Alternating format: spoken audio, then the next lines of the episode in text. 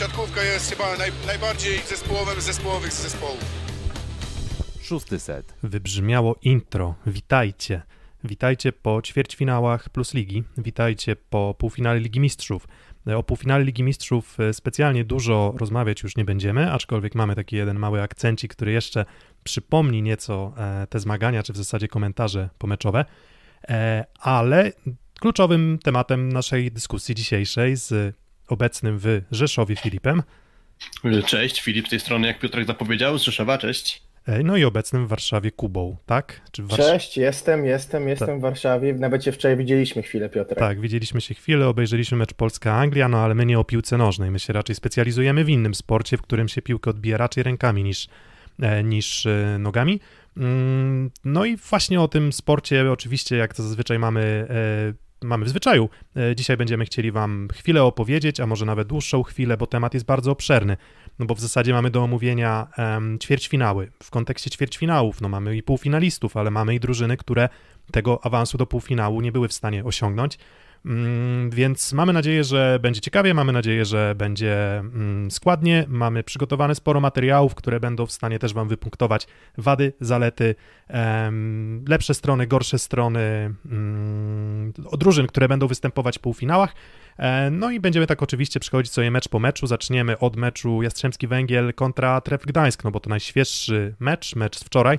E, mecz, który, czy dwu, czy w zasadzie trójmecz, który jako jedyny właśnie do tych trzech meczów doprowadził, bo w pozostałych ćwierćfinałach E, Werwa Warszawa, Trefl Gdańsk. Werwa Warszawa, Trefl Gdańsk, tak, już tak trochę, trochę, trochę zaheksowałem.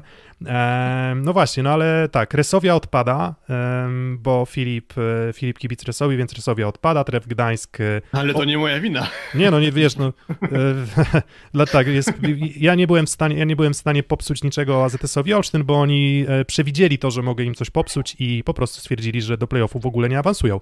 No ale dobra, Trefl Werwa, mm, mecz mecz zaskakująco jednostronny ten trzeci, natomiast no jeżeli chodzi o oblicze całego powiedzmy trójmeczu, no to jeden mecz dość wyraźnie dla trefla, drugi mecz no w zasadzie na żyletki, tak, gdzie 12-10 w tiebreaku um, prowadził już Trefl Gdańsk, no i wydawało się, że jest no dosłownie trzy punkty od um, i jest już bardzo blisko, jest na, na ostatniej prostej, żeby awansować. Tak, tam nawet 13 do 12 dla Trefla było, czyli de facto dwóch małych punktów brakowało od awansu do półfinału. Dokładnie, no to 12-10, wiesz, tak, tak, tak, znaczyło dla mnie trochę więcej, dlatego, że to jednak są te dwa punkty przewagi.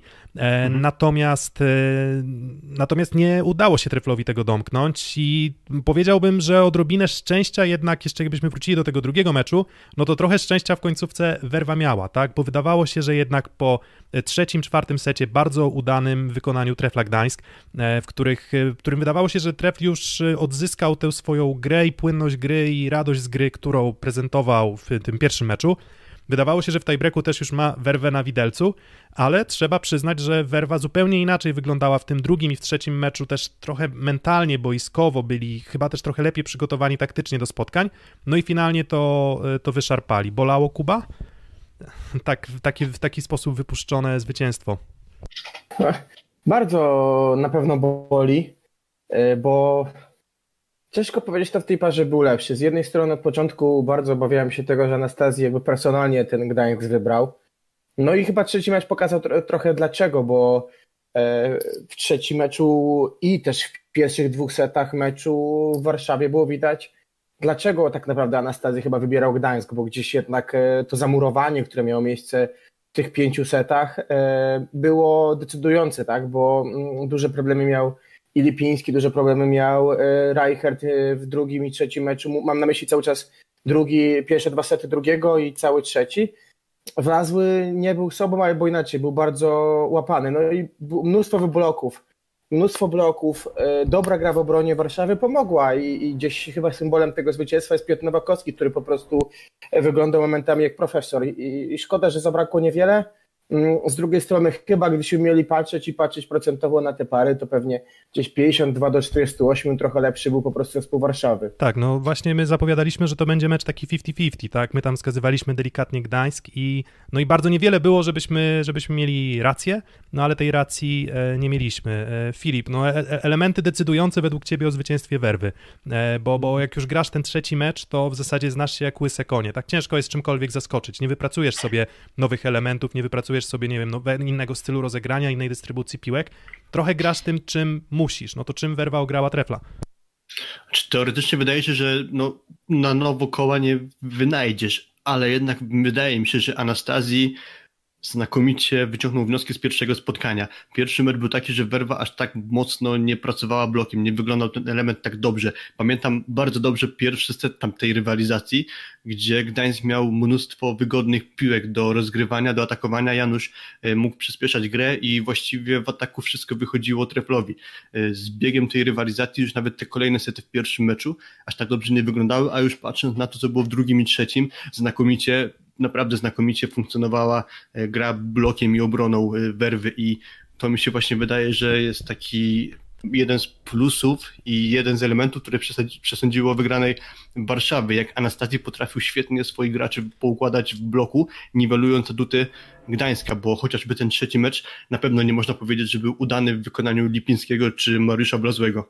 No właśnie, no ja tak. Ja wiele osób wskazywało właśnie Mariusza Wlazłego, wiele osób wskazywało e, Bartłomieja Lipińskiego jako te dwie postaci, które, e, w których, które muszą dojechać na mecz, żeby Tref Gdańsk był w stanie z werwą wygrać. Tak, oni faktycznie zrobili to w pierwszym meczu. Przez sporą część drugiego meczu też to robili, bo, e, bo Mariusz Wlazły też miał, też miał pewne problemy. Natomiast ja jednak, ja jednak wskazuję postać Marcina Janusza. I dlaczego wskazuję na Marcina Janusza? Werwa nie robiła krzywdy Treflowi Gdańsk, no nie inaczej, nie robiła bardzo dużej krzywdy. Nie mówię, że Werwa nie była w stanie e, odrzucić Janusza od siatki, ale co do zasady uważam, że Janusz miał przyjęcie przyzwoite. I jeżeli w pierwszym meczu był w stanie poprowadzić grę w taki sposób, żeby tymi szybkimi piłkami, szybkimi rozegraniami na przykład poprawić skuteczność Wlazłego, no bo tak to trochę wyglądało. Szybka piłka, wlazły, wlazły i wlazły. I on sobie faktycznie gdzieś te piłki na tych, y, gdzieś te szybkie piłki był w stanie kończyć, no ale wszyscy wiedzieli, no że, czy wszyscy wiedzą, że Mariusz Wlazły już ma trochę problem z kończeniem piłek e, sytuacyjnych. E, przychodzi trzeci mecz, dalej jest dobre przyjęcie, czy przyzwoite przyjęcie trefla i Marcin Janusz nie dowozi. I moim zdaniem to jest taka kluczowa postać, bo co się dzieje, że y, co, to nagle i Lipiński, i Reichert, i Wlazły mm, przestają grać, zupełnie gubią skuteczność, bo to nie, było, to nie był delikatny zjazd, to był bardzo duży zjazd. No to, to, to tak jak wyglądało lewe skrzydło mm, trefla, e, wyglądało bardzo źle, więc jeżeli werwa nie wywoływała większej presji, no to ja tutaj jednak wskazuję na Janusza, który moim zdaniem trochę nie udźwignął tego meczu, no nie bez powodu też Kozub musiał wchodzić. Mhm. To ta piąta partia e, drugiego meczu trochę jakby zaburzyła obraz, bo jednak mimo tego, że dobrze wyglądała werwa w tych dwóch pierwszych setach, no to jednak trzeci, czwarty set już znowu nakręcony był Lipiński i tu jednak ciężko byłoby się chyba jednak doczepić do grania Marcina Janusza, tylko właśnie ten piąty set trochę dla mnie niespodziewanie wtedy wygrany przez Werwę, aczkolwiek no, trudno tam jakkolwiek to kwestionować. Jednak bardziej na fali po tej e, dwusetowej, po czterosetowej rywalizacji tego meczu była chyba właśnie drużyna z Trefla i właśnie zastanawiam się skąd ta zapaść, no ale, ale Okej, okay. myślę, że na pewno Marcin Janusz to jest jedna z tych postaci, y, gdzie można by szukać właśnie tego załamania się gry e, trefla, choćby w tym trzecim meczu, bo mm, mówiłem przy tym o świetnym, świetnej grze blokiem Warszawy, tylko to też pewnie da się jakoś sprzężyć z sposobem rozegrania Marcina Janusza. Jeśli czy coś rozgrywającego, no to na pewno pomagać to w organizacji bloku. No właśnie, no, no i wydaje tak. mi No właśnie, Kuba, jedziesz. Nie, no i tutaj jakby na potwierdzenie tego, co wy mówicie, też chciałem wskazać de facto kryterium bloków i wybloków, bo jednak patrząc nawet na mecz sobotni, no to już 14 bloków i, i tam 10 bloków, czyli no nie mało jak na 500 spotkanie. Wczoraj bodajże 10 bloków, a w pierwszym meczu nie wiem ile tam było, 5, czyli duża, duża różnica. Więc y, może to jest trochę tak, że właśnie jednak wygrywa doświadczenie na pewnym etapie, ogranie na pewnym poziomie. W przypadku tak długiej ilości spotkań, no to mamy do czynienia z drużyną, której prawie każdy zawodnik już ważne mecze w swoim życiu rozgrywał, a w drugiej, gdzie no tak naprawdę poza Marysią Wlazłym, no, dla, no i Krerem, no to dla wielu z tych osób to jest e, jedno z pierwszych takich spotkań. Tak, okay, możemy wziąć pod uwagę jakoś Liga Narodów u Janusza, tak, ale no jednak jest to sytuacja taka, w której rzadko kiedy ma czynienia z graniem dzień, dzień po dniu, tak? kiedy mm, de facto przeciwnik cię widzi codziennie, tak? bo to jest zupełnie inne granie jak grasz raz na tydzień z innymi przeciwnikami. No właśnie, zastanawialiśmy się przed tym trzecim meczem, jakbyśmy zrobili statystykę występów w półfinałach plus ligi to w zasadzie w drużynie Trefla Gdańsk mielibyśmy okrąg, poza Mariuszem Wlazłym okrągłe zero. Mm, jedynie Marcin Janusz y, na, na poziom półfinałów chyba jako drugi rozgrywający w PGS Krze się wbił, no ale jako drugi rozgrywający. On nie, musi, on nie musiał mm, nie musiał wygenerować e, no, czegoś ekstra, bo po prostu nie od niego, nie na, nie na jego barkach leżała odpowiedzialność za wynik, tak? Ona wtedy leżała chyba na, na barkach e, Grzegorza Łomacza, jeśli dobrze pamiętam. E, więc tego doświadczenia być może zabrakło. Tutaj właśnie też na czacie, czytamy na czacie, że czy Winiar nie przygotował ich mentalnie. Ja myślę, że mm, zawsze mówi się o przygotowaniu mentalnym w sytuacji, w której nie idzie ci gra. Jeżeli gra idzie, to nikt się nie zastanawia nad tym, czy tam ktoś był dobrze przygotowany, czy nie. I ja tutaj uważam, że tak jak nie zawsze w siatkówce łatwo jest ocenić, kto zagrał dobrze, a kto źle, tak uważam, że Andrea Anastazji i tutaj czapki z głów, oczywiście, tak jak zresztą e, wielokrotnie powtarzałem, ja wyznawcą kościoła Andrei i Anastazjego nie mamy. E, znaczy, nie, nie, nie, jestem, nie jestem wyznawcą kościoła Andrei i Anastazjego, ale tutaj muszę mu oddać, że ukrył wady swojego zespołu, mm, wyeksponował zalety, przygotował taktycznie na Janusza i na to, w jaki sposób prowadzi grę też e, świetnie drużynę. I moim zdaniem Werwa no finalnie zasłużenie, no bo, zas, no bo jak, jak można powiedzieć, że nie zasłużenie? No zdominowali Trefla, wybili Treflowi z głowy mm, półfinał w, w tym, tym meczu. Jedna postać, na którą warto zwrócić uwagę, bo tak mówimy o tych personaliach trenerskich, pojawia się Piotrek Nowakowski, natomiast jest jedna osoba, o której, mm, która trochę umyka z uwagi na to, że jest schowana, i teraz powinniście zobaczyć grafikę, ona trochę umyka z uwagi na to, że jest schowana, bo większość sezonu jednak grał Superla, gdzieś tam na, na początku grał też y, Kuba Ziobrowski. Natomiast Jan Król, em, to jest, co ciekawe, najskuteczniejszy atakujący ligi. Tam przyjmując tam kryterium, że tam wykonujesz powyżej tam 100-150 ataków w, w lidze, więc gdy on wchodził do tej pory i co też pokazują tutaj, tak jak widzicie na ekranie, te ataki na set, to on grał bardzo skutecznie, teraz już nie mógł, się, nie mógł go ukryć, tak? Tutaj on już, on już musiał wejść w buty człowieka, który udźwignie decydujące spotkania i zrobił to i zrobił to z moim zdaniem niebywałą klasą i bardzo wysoki poziom Jana Króla gry, naprawdę. Super. Hmm. A nie przez moment nie dawał poczucia, że może jednak wrócić do Michała Superlaka. E, to jest w ogóle ciekawa koincydencja faktów, to się wydarzyło na pozycji atakującego w drużynie Werwy Warszawa, bo e, był tam Jakub Żebrowski, który z biegiem sezonu wylądował w pierwszej lidze w Lublinie i jest tam rezerwowym. E, był tam Michał Superlach przez większość sezonu podstawowym atakującym, a jednak na poziomie ćwierćfinału decydującej gry do pierwszej szóstki wskakuje Jan Król, który gra znakomicie, a który, jak sobie przypomnimy, przed sezonem miał już e, dogadany kontrakt w drużynie Barkomu Karzany Lwów na Ukrainie.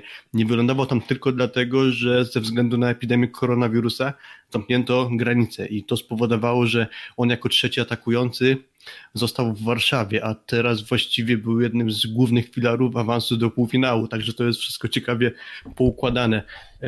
Tak jak tutaj widać, mimo że do tej pory Jan Król może nie pełnił najważniejszej e, roli, bo jednak byli ci inni jeszcze, o których powiedziałem, no to jednak on zawsze jak wchodził, to spełniał swoją rolę i to pamiętam, że choćby jeden z meczów zagrał na długim dystansie na około 70% w ataku, więc trudno na dowolnym momencie sezonu mieć do Jana Króla jakiekolwiek pretensje, także, także myślę, że on się sprawdził tutaj znakomicie i też plus dla trenera, trenera Anastaziego, że potrafił sobie tego zawodnika tak przygotować, ale nie tylko jest to Jan Król, bo chociażby widać, że mocno postawił na Igora Grubelnego. O ile w pierwszym meczu jeszcze ten, tego zaufania e, nie spłacił właśnie belgijsko-polski przyjmujący, no bo chociażby 0 na 5 w ataku i też szybko wszedł za niego Artur Szalpuk, no to konsekwentnie Andrea Anastazji na niego stawiał i to mu się opłaciło, bo podsumowując, Grobelny był MVP trzeciego meczu tego w Gdańsku. Wiecie co, ale mnie zastanawiają dwie rzeczy takie do dyskusji.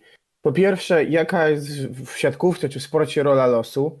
A to takie pytanie trochę retoryczne. A drugie, które chcę wam zadać, e, z czego wynika skuteczność króla? Co on takiego ma, co daje mu tego skuteczność? Bo dlaczego mówię o losie? No bo mm, on trafił tak naprawdę po swoich wojażach po Europie, on trafił do, do werwy w sumie, no bo był kontuzjowany Udrys i brakowało drugiego atakującego, już było późno, tak? I potem zgrał się z Blizzardem i moim zdaniem wpasował się w ten system, czy styl gry Warszawy, który jakoś szczególnie e, teraz mocno się nie zmienił, tak? Bo może Dearo jest słabszy i to wyraźnie od Blizzarda, no to ten system jest, jest dosyć zbliżony, tak? Więc tutaj na pewno to jest rzecz, którą ja widzę, że on się w ten system wpasował i trochę nie chcę go porównywać do Łukasza Kaczmarka, bo myślę, że Łukasz jest dzisiaj w wyższej formie i, i pewnie jeszcze gra lepiej, tak? Ale że jest to gdzieś trochę podobny system gry, tak? Że to nie jest taki młotek, tylko ktoś, kto bardziej ja... idzie na, na dynamice, na utrzymaniu kierunków na technice gry, aniżeli na, na sile czy na, czy na samych warunkach fizycznych.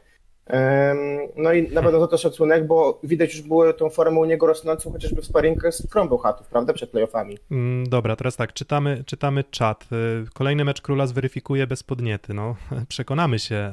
Jak na razie było tak, że, że po prostu gdy wchodził, to grał dobrze.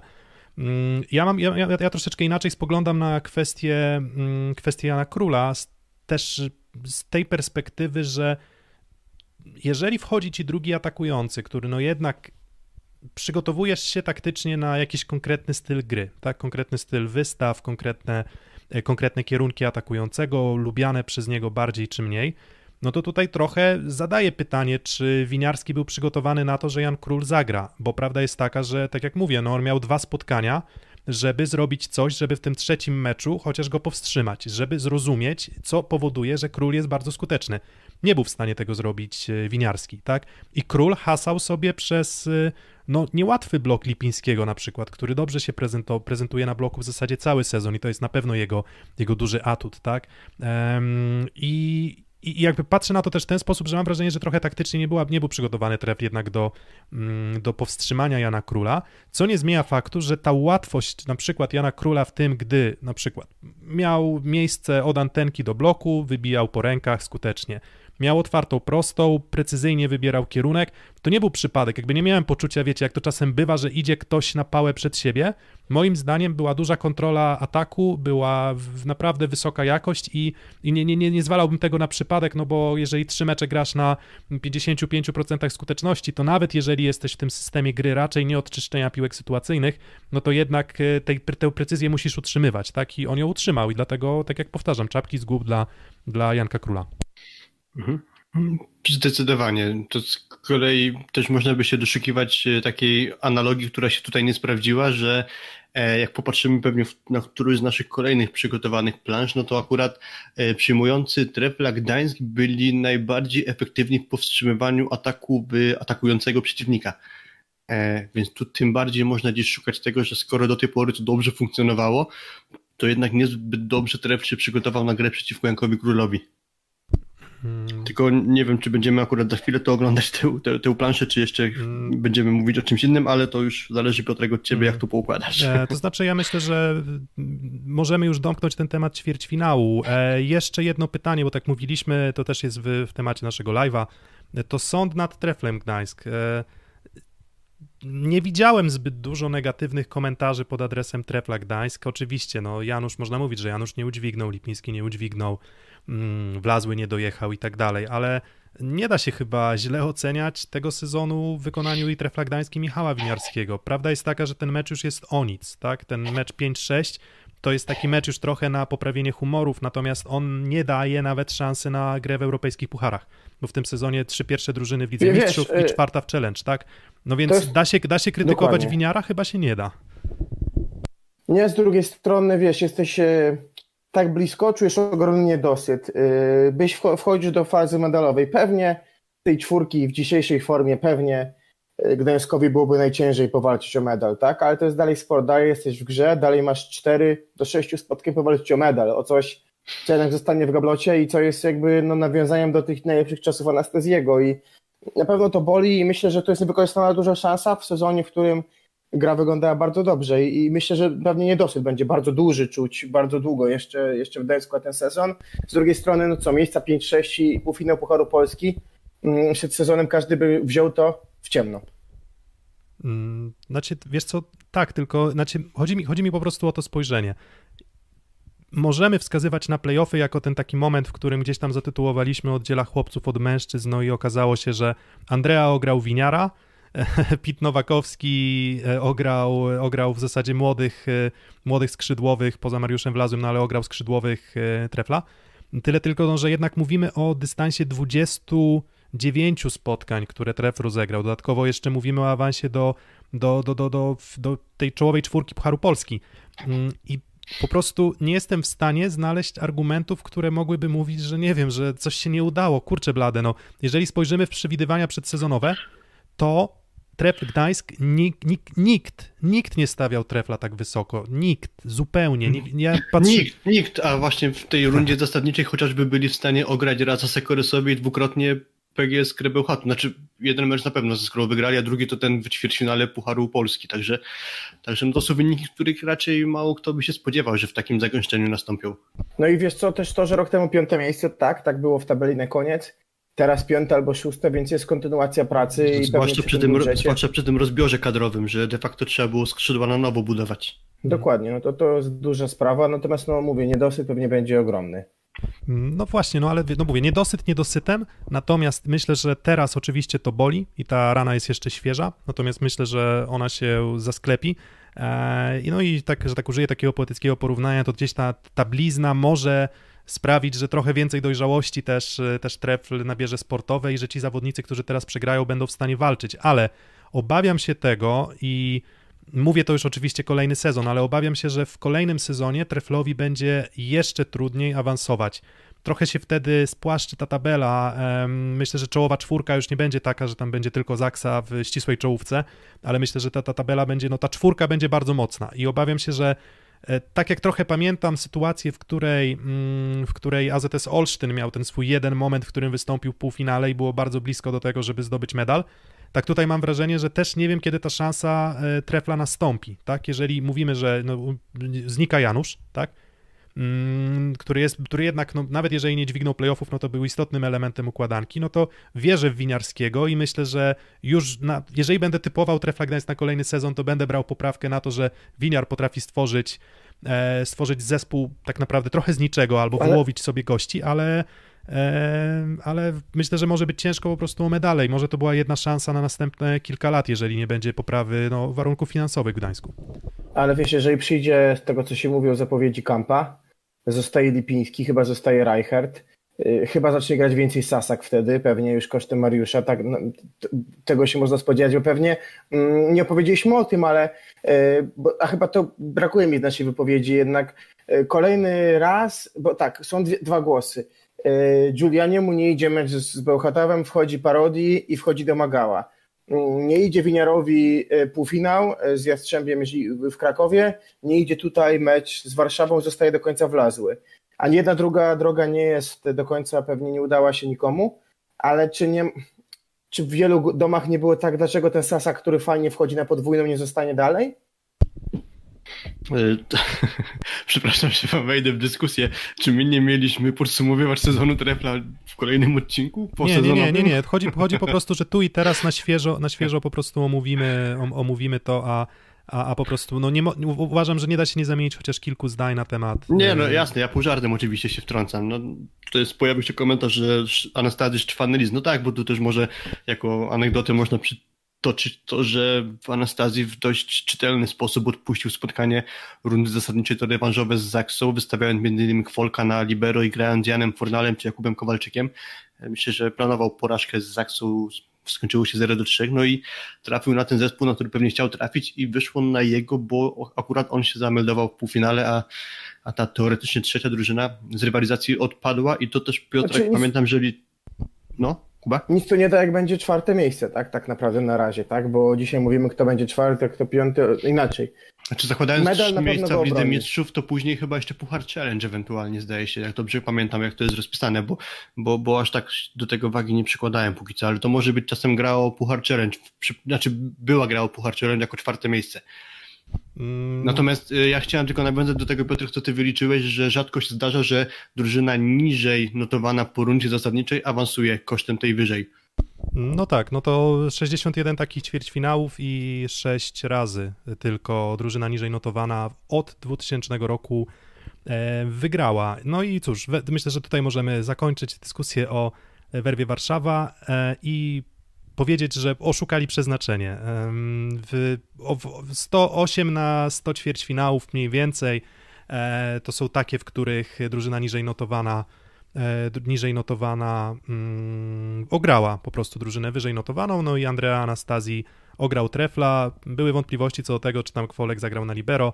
Wyszło na jego. Szczwany lis, y, trzeba docenić, trzeba docenić nie tylko mm, powiedzmy postawę sportową werwy, ale też to, że potrafili się dźwignąć mentalnie po tym pierwszym meczu, który wyglądał źle. E, czy komentarze w mediach po drugim meczu mogły mieć wpływ na kwestie wolicjonalne? Dobra, to może jeszcze tak chciałem już zamknąć, ale ostatni temat. Co sądzicie o po pierwsze, najpierw wypowiedzi Marcina Janusza, w której on po meczu mówił, że zagraliśmy bardzo słabo i nie zagraliśmy swojej siatkówki, tam parafrazuję, cytuję to tak z głowy, mm, i, i, i że, że po prostu no my, my, my, my, nie do, my nie dojechaliśmy, my daliśmy werwie wygrać, mm, to... Znaczy sparafrazowałeś, myślę, że pomijając ważną kwestię, Marcin Janusz powiedział coś w stylu, że oni są zespołem słabszym, czyli Warszawa jest zespołem słabszym. Tak, to jest moim zdaniem ważne o, tak, tak, tak, dokładnie. Warszawa jest dokładnie, tak, Warszawa jest zespołem słabszym i to było kluczowe zdanie. No i teraz widzicie e, sytuacje, w których e, po meczu wypowiada się Kwolek, który nawiązuje do tego trochę z szyderką, Um, czy to było z klasą, czy to nie było z klasą, mam swoje zdanie na ten ja temat. Ja myślę, że to było trochę żartem, bo później w kolejnym którymś zdaniu Kwolek powiedział, a teraz tak na serio, coś takiego, czyli jakby trochę z dystansem podszedł do tego, co powiedział Marcin Janusz, natomiast przyznam się, że nie wiem w jaki sposób to skomentował bodajże Jan Król i chyba Andrzej Wrona, jakoś się do tego odnieśli, ale nie jestem w stanie teraz doprecyzować, co dokładnie oni powiedzieli. Nie, no Kwolo, no Kwolo sobie po prostu pozwolił na jakąś tam szyderkę, tak, że dziękujemy Treflowi Gdańsk za to, że, znaczy, nie, że będąc, że, że tref... Tak, jasne, wypowiedź że, że, Tak, tak, tak, więc dziękujemy Treflowi no, ale... Gdańsk za to, że będąc lepszą drużyną pozwolił nam dzisiaj wygrać. Słowa kon trochę kontrowersyjne, bym powiedział, ale z drugiej strony uważam, że nie, jakby siatkówce brakuje trochę pieprzu, więc, więc nie, będę, nie będę jakoś się specjalnie znęcał nad, nad Ja myślę, że zostało to niepotrzebnie rozdmuchane, w sensie ja bym aż do, do, do tego takiej wagi nie przykładał, aczkolwiek myślę, że słowa Marcina Janusza mocno niefortunne, aczkolwiek dużej chyba rozbieżności z faktami nie miały. No jeśli Werwa skończyła sezon na szóstym miejscu, e, sezon zasadniczy na szóstym miejscu, a, Gdańsk na trzecim, no to gdzieś z tego można wyciągnąć wniosek, że Gdańsk mógł się czuć zespołem mocniejszym. Z tym, że jeżeli coś takiego mówisz, że oni są zespołem słabszym, i chcesz to zwalić na karb tego, że to był wypadek przy pracy, no to automatycznie nastawiasz się na ewentualną kontrę, czy nastawiasz się na taki strzał, że jeśli tego nie potwierdzisz w kolejnym meczu, no to zostanie to obrócone przeciwko tobie. I trochę tak się stało i trochę na tym e, zagrali siatkarze werwy. A ja tylko jedno zdanie. Możesz się cieszyć tak jak Zaksa, jak eliminowała europejskie potęgi i doceniać przeciwnika i mówić, że to jest wielka sprawa i być dalej skromnym, a możesz wychodzi z założenia, że osiągnąłeś wiele w sezonie, w którym na razie jesteś w czwórce, odpadłeś w grupie Ligi Mistrzów i odpadłeś e, przed ćwierćfinałem Pucharu Polski, więc mm. tak, dokładnie, więc... E, Pokora w sporcie myślę, że tak, tak, dobra, tak. No. Z drugiej strony też można pomyśleć w ten sposób, że no skoro ktoś wychodzi po meczu do mikrofonu i mówi zagraliśmy słaby mecz. Aha, czyli to w pewnym sensie idąc za logiką, no to znaczy, że y, tam ci wygrali dlatego, że to my zagraliśmy słaby mecz, czyli de facto też trochę ujmujemy drużynie przeciwnej. I czy to jest powód do jakiegoś y, potem wyciągania tego, y, podkreślania, odnoszenia się do tego? No myślę, że nie, że to trochę przesada. Tak, no i właśnie... Z, więc... tym, że, z tym, że akurat no tu nie padło, że zagraliśmy słaby mecz, tylko że oni są drużyną słabszą, więc to było takie już trochę bliżej w kierunku przekroczenia granicy, o tak. No tak, no ale potem jeszcze ten, potem jeszcze, jeszcze Andrzej Wrona trochę dorzucił w, w swoich social mediach. E, ja, się, ja się tutaj zgadzam z Kubą i tutaj jeszcze jest dobry komentarz, że Kwolka i resztę ekipy z Warszawy zapytałbym, czy potrafią liczyć do dziewięciu, zwłaszcza w tiebreaku. Więc wiecie, fortuna, fortuna kołem się toczy. E, to jest miecz obosieczny. W tym momencie było na ich, stanęło na e, zawodników werwy, stanęło na, na, na powiedzmy całą drużynę, mm, ale prawda jest taka, że gdybyśmy spotkali się w sytuacji, w której Trefl byłby w stanie dograć ten mecz do końca i Michał Kozłowski nie zagrałby nie zagrałby tego asa szczęśliwego po siatce w ostatniej akcji meczu, to mówimy o zupełnie inny, inny, innym otoczeniu, mówimy o zupełnie innych realiach i zupełnie innych warunkach. No i wtedy myślę, że już tak gadatliwi by, e, by, by zawodnicy Warszawy nie byli. Natomiast tak jak mówię, co do zasady, ja uważam, że kontrowersje są trochę w siatkówce potrzebne i, i, i ja nie narzekam. Uważam, że jest o czym mówić. No dobra, e, no to tyle o tym pierwszym ćwierćfinale i teraz drugi ćwierćfinał. Jastrzębski Węgiel kontra Aluron CMC Warta Zawiercie. Szósty set. Mm, dlaczego taka kolejność? Taka kolejność, dlatego że rywalem Werwy Warszawa w półfinale będzie właśnie Jastrzębski Węgiel. No i zanim przejdziemy do omówienia samego e, samego półfinału. Mm, no to oczywiście jeszcze chwilę zatrzymajmy się na tym dwumeczu, jak się okazało. E, Mo, znaczy, wydaje mi się, że w, tak jak był ten dwumecz Gdańska z Warszawą, o którym moglibyśmy mówić bardzo dużo, tak w przypadku e, tego dwumeczu wydaje mi się, że trudno jest powiedzieć cokolwiek więcej niż to, że po prostu Jastrzębski Węgiel udowodnił wyższość sportową chyba na każdym polu. Tak, i to nawet trochę miałem wrażenie, że mogło być przynajmniej z jeden set mniej w tej rywalizacji, chociażby w tym pierwszym secie drugiego meczu. To już tak było, że Jastrzębie po prostu marnowało no, znakomite okazje do zdobywania punktów i jeszcze udało się to zawierciu tę jedną partię tutaj wyszarpać, ale myślę, że pół żartem oczywiście mówiąc, typowałem w tym meczu 3 do 0 dla Jastrzębia i czułem się trochę moralnym zwycięzcą. No a nie, ja, ja typowałem 3-2 dla Jastrzębia, no i też było bardzo, bardzo niewiele, więc, no więc tak, też, tak, też w tej, więc, tej czwartej partii. Tak, no tak, tak, ale, ale myślę, że, że, że co do zasady mm, nawet jeżeli to ale byłby, nawet tak, jeżeli co to do, byłby co do zasady, to, to pozwolę sobie ja swoją myśl jeszcze dokończyć, że no, różnica klas moim zdaniem była widoczna. Kuba? Co, wiesz co, co, coś się stało w trakcie sezonu w Zawierciu, w związku pewnie z tym, że był COVID e, i po prostu potem zabrakło już pary, mam na myśli pewnie, pewnie gdzieś tej fizyki zabrakło, tego e, początkowego, na początku sezonu takiej pasji, takiej i też tego, wiesz, bo ja, to jest ja, tak, wiesz, że ja bym, się na początku Kuba, sezonu kilka rzeczy według mnie, ja bym, ja bym użył... bardzo dobra gra, było wsparcie W sensie ja bym użył, ja bym użył słowa tempo. Zawiercie grało siatkówkę bardzo tempową, tak, bardzo dynamiczną, bardzo szybką. Tej szybkości, tak, tej świeżości nie było. Chciałem nawiązać trochę tak, wiesz, do poety, poezji, że byli kibice, by, czyli byli e, tutaj giermkowie, którzy wspierali rycerzy na, do tego, żeby tymi szablami czy tymi y, machali szybciej, tam już nie wchodząc w szczegóły. E, I wyglądało to na początku efektownie i efektywnie. W tym momencie e, czegoś zaczęło brakować i już mam wrażenie, że zabrakło powrotu do, do, do, do, tej gry, bo nie mam wrażenia, że do końca mieliśmy podstawową dwójkę przyjmujących, no pewnie Kim Gatutija, um, nie wiem, Kawana na pewnym etapie, zawodnika, którego w pierwszych pięciu kolejkach mówiliśmy wow, top, mhm. nie wiem, po, uważaliśmy go za MVP kolejki, gdzieś tam poziom Bena, tak, no może przesadzam trochę, ale no, no gdzieś tam... Nie, ale to myślę, że, ten, myślę, że to, to nie, jest, nie było daleko. No właśnie, a nagle... Biorąc pod uwagę szybkość do... grania zawiercia wtedy, to myślę, że całkiem no, trafne dokładnie. porównanie, ale też, no okej, okay, biorąc pewną poprawkę, ale, ale no myślę, i, że dobrym tropem. I kończymy na tym, że też są pytania, dlaczego nie grał więcej Georgiew, także no też pewnie na pewno niedosyt, tak? I sezon trochę podobny jak w Gdańsku, bo też półfinał Pucharu Polski, też miejsce w szóstce po półmetku. Tu będzie pewnie 7-8, czyli trochę słabiej i pewnie trochę były większe oczekiwania. W znaczy... drugim meczu między tymi ekipami w rundzie zasadniczej właśnie grał m.in. Georgijew i Andrzejewski i, i wtedy właśnie Zawiercie było w stanie wygrać, tylko że okej, okay, no to była trochę inna ranga meczu i, i, i może to miało wpływ na to, jakim wynikiem tam to spotkanie się zakończyło. Schodząc trochę, znaczy inaczej, jeszcze odnośnie zawiercia, ja po prostu mam wrażenie, że zawiercie nie przygotowało niczego specjalnego na ten ćwierćfinał i trochę kontynuowali tę grę pod znakiem marazmu, którą nas y, częstowali pod koniec rundy zasadniczej chociażby. E, natomiast w Jastrzębiu chociażby odpalił ostatnio Al-Haddadi, takie mam wrażenie, zgodzicie się? No tak, no to też wskazywaliśmy na to mm, przed, y, przed ćwierćfinałem, że że Al-Haghdadi jest na wznoszącej, Malinowski jest na opadającej, czy, czy, czy powiedzmy, czy, czy, po pierwszym meczu w zasadzie, no ale gdzieś tam wskazywaliśmy, tak, tak. Że, że idzie, idzie w górę. Oczywiście można by powiedzieć, że Al-Haghdadi kontynuuje to, co generalnie w tym sezonie mu wychodziło, mm, czyli to, że gdy ma generalnie dość łatwy do sforsowania blok, to sobie radzi, gorzej jest w sytuacjach, w których których faktycznie, faktycznie ten blok jest trudniejszy. Myślę, że ten właśnie mecz z Werwą będzie bardzo ciekawym sprawdzianem dla, dla Al-Haghdadiego, bo, no bo Wlazły tego nie udźwignął do końca, chociaż i tak był no jednym, jednym z lepszych pewnie skrzydłowych na dystansie tego trójmeczu.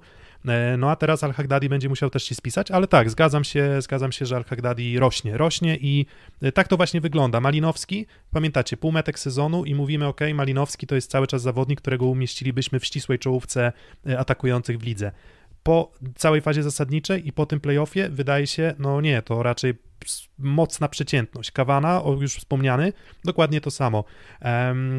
Orczyk, też świetny początek sezonu, też y, zjazd. Y, Myślę, że Flavio był trochę na krzywej wznoszącej. Tak, jako, właśnie, właśnie chciałem nawiązać, że Flavio to też trzeba mu oddać. y, Były wątpliwości co do jego poziomu sportowego, natomiast wydaje mi się, że, że ewidentnie jak już się zaadaptował do, do, do poziomu ligi, do gry, do, do stylu gry, do, do też trudnych rywali po drugiej stronie siatki, to, to, to naprawdę, naprawdę żałuję, że, żałuję, że prawdopodobnie odchodzi z, z, z Plus I, I teraz zobacz, i teraz zobacz, czy wyżej oceniasz kogoś, kto dobrze zaczął, czy dobrze skończył, już tam bez przytaczania tego przysłowia o tym, że nieważne jak zaczyna, tylko jak kończy mężczyzna, ale trochę, jednak większą miarę Flavio pokazał kilka rzeczy. To, że jest zawodnikiem, który musi przystosować do ligi, co jest, wydaje się, ok. I dwa, pokazał, że no nie bez kozery jest zawodnikiem kadry Brazylii, tak? Bo, bo pewnie gdzieś tam w dziesiątce środkowych tej ligi go na końcu mieścimy na pewno. Mm, Tak, no myślę, może nawet, teraz- może nawet ciutkę, ciutkę, może nawet ciutkę wyżej niż, niż tam dziesiąte, tak może szóste, siu, szóste, piąte, siódme, no nie wiem, no ale tak, ale na pewno, co to nie mam, nie mam wątpliwości. Przy czym, y, jeśli miałbym poszukać jego mankamentu, trochę nasuwa mi się jego elastyczność w ataku, a właściwie niska elas- elastyczność w ataku. No E, tak, trochę ale, brakuje ale u niego przestronności. tak, wiesz co, ale, ale udawało się to ukryć i wydaje mi się, że też, też w tej ofensywie, ofensywie finalnie wyglądało to lepiej, no też na pewno, na pewno liczby to potwierdzają, wizualnie też, też wyglądało to e, lepiej. E, Przychodzi mi do głowy jedno pytanie w takim razie jeszcze teraz, bo, bo sam jestem, no ciężko mi sobie samemu na to odpowiedzieć, więc może mi jakoś pomożecie. Wolelibyście do swojej drużyny Sejeda czy Flavio? Sejeda. Okej.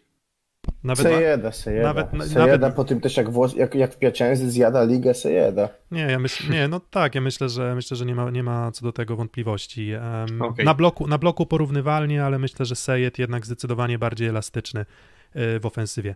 Em, Więc nawet myślę, że to taki, wiesz, łat, łatwe, akurat myślałem, że zabijesz mi ćwieka tym pytaniem, ale okazało się, że To nie, bo dosłownie teraz mi to pytanie przyszło głowy i też nie miałem od razu przygotowanej odpowiedzi, ale w sumie im dłużej tutaj mm, no, mówicie, to, to też w sumie jestem w stanie być e, przekonanym, że tak, Sejed no jednak. ale właśnie, szósty set zaskakuje, bo możesz usłyszeć pytanie o to, czy, czy, czy, czy, czy, czy Sejet czy Flavio w momencie, w którym wydawałoby się, że mm, jest to pytanie absurdalne, ale dzięki Filip za to. No czemu? No, przychodził wysokiej klasy Irańczyk, przychodził zapowiadany wysokiej Nie, no klasy tak, Brazylijczyk, tak, tak. więc tak, pytanie, kto oczywiście. jest z wyższej klasy. No, No tak, no no ale w sumie totalnie abstrakcyjne pytanie. no nie, no tak, tak, Nie, oczywiście. śmiejemy się trochę oczywiście. Tak, pewnie. więc, y, więc y, mm, wydaje mi się, że Kolakowicz, nie można Kolakowi, Kolakowiczowi zarzucić tego, że nie próbował znaleźć swojego składu. Mm, Bo, bo faktycznie i trochę więcej szans dostawał, dostawał Halaba, mm, gdzieś tam rotował tymi środkowymi, ale, ale wydaje mi się, że jednak trochę się pogrążył w tym takim przekonaniu, że jeżeli będę stawiał ciągle na tych samych zawodników i oni byli w stanie zagrać na po- poziomie topu ligowego, no to liczę na to, że oni w końcu odpalą. I mijał tydzień, drugi, piąty, dziesiąty i nie byli w stanie do tego wrócić i, i, i tyle. I po prostu. no, A wiesz co, a to nie jest trochę tak, że, bo patrz na koniec sezonu, zastanówmy się na tym, kto przychodził, tak? No to masz y, środkowego, który przyzwoicie wygląda w Gdańsku, w Warszawie był rezerwowym, bo przegrał rywalizację z Wroną, kiedy spodziewaliśmy się, że wygra. E, do tego masz y, rezerwowego w skrze, przyjmującego. Masz zawodnika ze Stanów niezłego technicznie, ale sam pamiętasz jego liczby zbyt goszczy i to nie był ktoś, kto naszą ligę zjadał. Okej, masz świetnego w Gdańsku zawodnika, który się okazał na ten moment trochę one season wonder, to znaczy bardzo pasował mu sposób gry z Januszem, niekoniecznie pasował mu sposób gry z Kawaną. Masz Malinowskiego, który jest zawodnikiem, który faluje, czyli jak mu żre, to mu żre niesamowicie, jak mu nie żre, to mu nie żre już inaczej. No i masz zawodnika reprezentowego kadry Brazylii, który się okazał ok, tak? Mhm. No i no tak, i no i, Kawanek, który był, nie wiem, nie wiadomo, znaczy miał y, super momenty w lidze, bo on przyszedł z Brazylii, tak? Dobrze pamiętam, z Ligi Brazylijskiej, tak, nie? tak, tak, Też. tak. Mhm. Czy za, no właśnie, Tak, z więc Ligi który też tam miał momenty i widać było, że dobrze mu się gra, lubi jak ma dobre prawe skrzydło. Mm, Ja myślę, że to jest trochę I tak, czy na końcu to wszystko się nie równało? Mm, Wiesz co, no trochę, wiesz co, trochę tak jest. No, mo, moja, teza, moja teza jest taka, no przed sezonem stawiałem zawiercie w okolicach 6-7 miejsca. No, lą- lądują, na, lądują mniej więcej w tych okolicach i zawsze taki jest taka mała gwiazdeczka, która się tyczy oceny potencjału każdego zespołu, że mówisz, jeżeli zawodnicy będą grali ponad to, czego się od nich oczekuje, to wtedy jest oczywiście szansa na więcej. No i potem patrzysz na to zawiercie tegoroczne i Malinowski grał gorzej niż w poprzednich sezonach przez większość sezonu. Kawana nie okazał się być finalnie no nie niekwestionowaną nie, nie gwiazdą ligi. Żurek nie okazał się być jakimś, nie wiem, do, dobrym zastępstwem za, e, za Kogę, tak? Bo tam... Bo okazał się, myślę, że wprost można powiedzieć po prostu gorszym zastępstwem. Tak, dokładnie, więc nagle patrzysz na te elementy układanki, liczysz, że Niemiec, który przychodzi po tym w sumie, wiesz, udanym sezonie jako trzeci środkowy w Warszawie, dostanie szansę w podstawowym składzie, zrobi skok jakościowy, nie zrobił tego skoku jakościowego. Halaba liczysz, że będzie w stanie powtórzyć swój bardzo dobry sezon, nie powtarza tego sezonu i potrzebujesz czegoś ekstra, żeby przebić e, kursy bookmacherów, nawet się śmieję w takim, którzy, którym płacą za to, żeby, żeby to umiejętnie oceniać. Potrzebujesz, żeby, żeby trochę uciec od tego przeznaczenia, potrzebujesz e, zrobić coś ekstra. Każdy z twoich zawodników, albo większość musi zrobić coś ekstra. W zawierciu nie było ekstra, było było albo tak samo, jak się spodziewaliśmy, albo nawet gorzej, no i stąd to siódme miejsce. Mhm.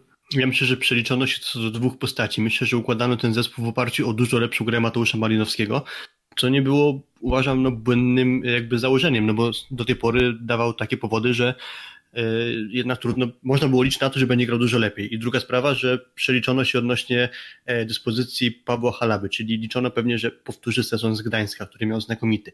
Mając taką postać właśnie jak Paweł Halaba na przyjęciu, to można liczyć, że jeden z trzech pozostałych odpali, albo przynajmniej będą się wzajemnie uzupełniać na tyle, że zespół jako całość w formacji przyjęcia będzie wyglądał dobrze. Malinowski, no niestety okazał się niewystarczająco dobry na przestrzeni całego sezonu, a to też miało moim zdaniem wpływy na inny z kolei ten puzzle układanki, bo nie wiem, czy mogę zdradzić autora, ale myślę, że bardzo celna myśl w postaci takiej, że Kawanna gra dobrze, jeśli ma za plecami skutecznego atakującego. Inaczej mu się trochę koncepcja nagranie sypie. E, I to też mi się wydaje tutaj było istotne w kontekście zawiercia, czyli przeliczono się na Malinowskim, przeliczono się na Halabie, a to, że Malinowski grał słabo, jeszcze trochę utrudniało grę Kawannie.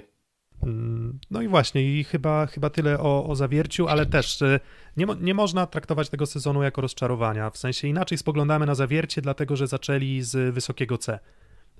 Gdyby nie zaczęli z tego wysokiego C, gdyby punktowali na to siódme miejsce konsekwentnie przez cały sezon, czasem wygrywając, czasem przegrywając, ale jednak finalnie kończąc pozytywnym bilansem zwycięstw do porażek, to wszyscy by mówili, nie no, nie no, jest, jest, jest okej, okay, jest, jest, jest dobry wynik. Ale jeżeli widziałeś, że ta drużyna miała w sobie potencjał na to, żeby grać na poziomie no, medalowym i finalnie gdzieś to stracili, to, no to trzeba uciec, w sensie łatwo popaść taką pułapkę, że to był słaby sezon zawiercia. Ja uważam, że to był przyzwoity, przyzwoity sezon zawiercia, no ale na pewno o zawierciu jeszcze będziemy w takim jakimś tam dedykowanym odcinku em, posezonowym e, rozmawiać. No dobra, no to co, no to przechodzimy do półfinału. Trochę omijamy celowo Jastrzębski Węgiel i ich poziom gry, no ale teraz o atutach i wadach Jastrzębskiego Węgla i Werwy Warszawa Orlen Paliwa. Szósty set. Mm, no to zaczynamy od y, grafiki, która pokazuje nam mecze, które do tej pory y, w tym sezonie się odbyły pomiędzy tymi dwoma drużynami. Mecze bardzo zacięte, tak? Y, I w zasadzie mówimy o idealnym remisie. Mm, jeden mecz 3 do 2 wygrywa na wyjeździe Werwa Warszawa, y, a drugi mecz wygrywa 3 do 2 na wyjeździe Jastrzębski Węgiel. Mm, dwa mecze, już chyba też grudzień i styczeń to był już taki moment, w którym raczej te wszystkie problemy zdrowotne, covidowe gdzieś wypadły, ale jak patrzę nawet na tę na, na tę liczbę małych punktów, to wydaje mi się, że to jest bardzo równo. No i czy, czy, czy, czy co, jak wy pamiętacie te mecze i czy, mm, czy te wyniki sugerują, że to są dwaj równi rywale, czy jednak będziemy szukać argumentów w innym kierunku? Mm, myślę, że jeden z argumentów wypłynął całkiem niedawno, a trochę właśnie w nawiązaniu do tych dwóch meczów to dobrze pasuje, czyli wyjmę tego Al-Haddadiego ponownie, bo o nim często mówiono, że nie radzi sobie w meczach z czołówką. E, z Zawierciem zagrał bardzo dobrze dwa mecze, e, przy czym no, trudno wobec całego tego układu sezonu traktować jako Zawiercie jako drużyny ze ścisłej czołówki, więc tu dalej można być jakąś tam e, można być jakoś tam niepewnym co do Al-Haddadiego, tylko z kolei sprawdziłem sobie, co działo się w tych dwóch meczach między Jastrzębiem a Werwą, no to akurat trzeba przyznać, że jakkolwiek traktować Werwę, no to jednak Al-Haddadi wyglądał świetnie na tle tego rywala, bo w dwóch meczu miał 54% skuteczności ataku, 42% efektywności. Mhm. To są bardzo dobre liczby. Tak, no be, tak, to, to, to, to, to bez wątpienia, tak, i to I to też sugeruje, że no, mm, może to dźwignąć, a wydawało się, że to jeszcze było, no Wiesz nie co, wiem, no bo- dwa miesiące wcześniej, gdzie raczej nie gloryfikowaliśmy Al-Hagdadiego i gdzieś tam narzekaliśmy na jego siłę uderzenia. Teraz wydaje mi się, że no, jest szczebel wyżej. A to nie jest trochę podobna historia z Flavio? Trochę chyba tak, trochę też, y, który się rozpędza zawodnik. Policzyłem teraz szybko, y, doliczenie to moja działka, więc policzyłem szybko równo. Idealnie równo w małych punktach. No, no. e, I w setach, obu, obu i, w spotkaniach. setach, i w punktach, więc e, e, coś, coś to sugeruje. Przy czym oczywiście ten, ten, ten, ten styczeń to nie był najlepszy moment Jastrzębskiego Węgla, tak? Mm, bo tam pamiętacie, że tam wtedy się nałożyły te porażki z Nysą, porażka z, z Indykpolem AZS-em Olsztyn, więc... Zmiana trenera. Tak, zmiana trenera, więc no ale, ale nie zmienia to faktu, że czysto boiskowo no, jest remis, tak, w tym dwumeczu. Mhm. W sumie trochę mało przy tym o Jastrzębskim Węglu mówiliśmy. E, No to tutaj najważniejsza sprawa, czy jedna z ważnych spraw, no to Tomasz Fornal, bo zaczął pierwszy mecz w rywalizacji z Zawierciem. To była jedna z przyczyn, że e, Zawiercie omal wygrało pierwszego seta tamtej rywalizacji, jak był jeszcze Fornal, ale jednak wszedł Luati i odmienił tamte partie i Fornal już potem na boisku się e, w dłuższym wymiarze nie pojawił, a to jednak jest zawodnik pierwszoszostkowy docelowy. Pytanie, czy będzie w stanie jeszcze trenery um, Gardini. może, trener Gardini oczywiście, miałem mówić Reynolds, ale, ale to już nie, nie te czasy. E, trener Gardini właśnie, czy będzie go próbował odkurzyć, czy jednak postawi na tę parę Luati Szymura, która się całkiem dobrze sprawdza. Pytanie właśnie, czy wystarczy na werwę. Mm, Wiesz co, mm, problem jest trochę tego typu, że Fornal nie, da, nie dawał po powrocie z po kontuzji, nie dawał za bardzo argumentów, żeby na niego stawiać. Gdyby to był Fornal z początku sezonu, to, to, to nie mam wątpliwości, że, że on musi grać, tak? Bo, bo, bo grał na poziomie co najmniej aspirującym do, do reprezentacji, w- może do Tokio to za dużo powiedziane, ale, ale na pewno na poziomie czołówki ligowej, jeśli chodzi o, e, o, o przyjmujących, tak? Wydawało się, Ja że... jestem czegoś in... mhm. Wydawało się, że zrobił postęp. E, Od powrotu po kontuzji Fornal nie gra tak dobrze, więc e, nawet w tym meczu z Zawierciem, gdzie tam wskazywaliśmy rolę Luatiego, no to też zaczął bardzo źle, tak? No i pytanie, czy on w ogóle jest przygotowany i czy jest w formie na to, żeby, żeby tę różnicę robić. Moim zdaniem nie, natomiast y, bardzo jestem ciekawy czegoś innego. E, Po meczu z Gdańskiem zwróciłem uwagę na to, że Andrea tak naprawdę rozmawiał cały czas z Trinidadem. Bo gdzieś były w internecie głosy, że jak wyjdzie Kozłowski, to przejdzie e, Warszawa, jak, jak Trinidad, to może Gdańsk. A moim zdaniem my nie doceniamy Trinidada na tyle, że oczywiście Kozłowski jest fantastycznym drugim rozgrywającym, ale z jakiegoś powodu mm, dalej pierwszym jest Trinidad, tak? I e, widać, że dużo nad nim pracuje Andrea. Jestem ciekawy, czy on kolejny mecz znowu udźwignie, tak? Bo jednak widać było wyraźnie, że ten mecz jednak e, trzeci udźwignął. I mm, z drugiej strony Kampa, który też progresuje, który bardzo mi się ostatnio podoba, który e, no, były te kwestie ściągnięcia Antoniutiego, były te kwestie jego jakichś tam chyba delikatnych kolokwialnie mówiąc fochów, ale chyba przyjście Gardiniego oczyściła taką atmosferę pod tym kątem, że, że gdzieś Kampa się bardzo rozwinął. Lepsza zagrywka niż Trinidada, mm, no i Lepszy- złapał lepszy- taką lepszy blok z też. Al-Dadim. I Tak. złapał blok oczywiście i złapał nic No dobra, no to tak? właśnie, I- o właśnie Kuba, no to świetnie, świetnie, że poruszyłeś temat, no bo jak rozgrywający, no to pokazujemy pierwszą grafikę, mamy grafikę, w której omawiamy aspekty ofensywne, defensywne, jakość przyjęcia, jakość zagrywki drużyn w parach, tak? No i patrzymy. Nie musisz mi dziękować. Dziękuję, że pięknie wprowadziłeś.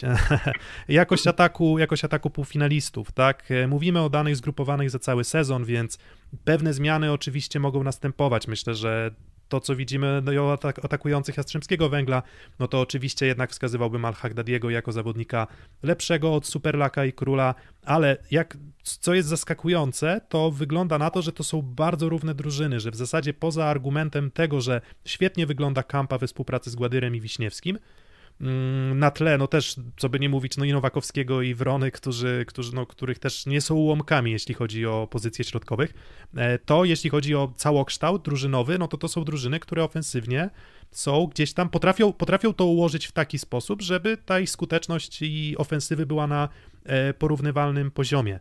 Mm, No i właśnie, no i właśnie już wspominałem o tym, krytykowany Dearo, mm, ale jednak grał większość sezonu. No i był w stanie jednak tworzyć drużynę, która była skuteczna, no i też był w stanie udźwignąć ten mecz, e, mecz w Gdańsku, tak, więc e, bardzo ciekawa rywalizacja, no i te liczby oddają rzeczywistość według was, w sensie uważacie, bo też miałem takie dyskusje gdzieś tam na Twitterze z, z fanem Jastrzębskiego Węgla, który mówi, że no to nie jest możliwe, że ci przyjmujący nie dowożą, no ale no cóż, no Luati nie gra dobrze, on nie jest najskuteczniejszym przyjmującym ligi, żeby nie powiedzieć, że nie jest nawet w czołówce, raczej jest gdzieś tam w, w tyle, więc czy, to, czy, czy te liczby pokazują odpowiednio atuty ofensywne? Ja myślę, że nie, a też to, co się rzuca w oczy, to, że nie ma jakiejś dużej różnicy, no bo dwa punkty procentowe to jeszcze nie jest aż taka tak, kolosalna to, to różnica, to jest maksymalnie dwa punkty procentowe różnica e, na, jeśli chodzi o skrzydłowych atakujących i przyjmujących. Na środku jest dużo większa, aczkolwiek trochę dla mnie zaskakująca, no bo jednak ciężko tutaj szukać jakiejś słabości w ataku choćby Piotra Nowakowskiego. U Andrzeja Wrony może trochę tak, e, może bardziej niż u Nowakowskiego, ale ale Piotra Nowakowskiego nie, to raczej, no, nie, to, raczej, nie to raczej, wiesz co, to raczej jest kwestia też docenienia kampy, które, którego tempo gry ze środkowymi naprawdę imponuje. On no, w tym sezonie Jastrzębski Węgiel i z Zaksą e, Jastrzębski Węgiel i Zaksa to są dwie najskuteczniej grające środkiem drużyny, no i ten Gładyr i Wiśniewski bardzo pomagają Jastrzębiu. Mhm. To prawda, różnie układała się z kolei współpraca Trinidada ze swoimi z kolei środkowymi. Tu można by poszukać tego, że e, gdzieś te niedoskonałości między nimi jeszcze zaburzyły te statystyki, które tutaj widzimy, ale jednak ciężko mieć jakieś duże zastrzeżenia co do pary środkowych Nowakowski-Brona. A propos Trinidada, to mi się przypomniał z tego trzeciego meczu Werwy z taki fajny obradek pomeczowy, jak Andrea Anastazy tam się e, zawiesił na szyi właśnie swojego rozgrywającego, trochę jak to w takiej relacji mm, ojciec syn, można powiedzieć, że tam trochę wyglądało, gdyby to chcieć skomentować, że widzisz, widzisz, mówiłem ci, mamy iść tą drogą i dasz radę. No i faktycznie Trinidad dał radę, bo, bo bieg tego sezonu był taki, że można było momentami po prostu zwątpić, że to będzie rozgrywający, na którym można będzie polegać. No właśnie, może... Nie były to jakieś wybitne jego zawody, ale trudno się przyczepić. Tak, może, może Trinidad jest takim typem rozgrywającego bardziej Łukaszem Żygadło niż e, Pawłem Zagumnym czyli raczej hmm. gościem, którego musisz wsadzić w konkretny reżim taktyczny. Mm, Wykonawcą. I, tak. Zgadzam się.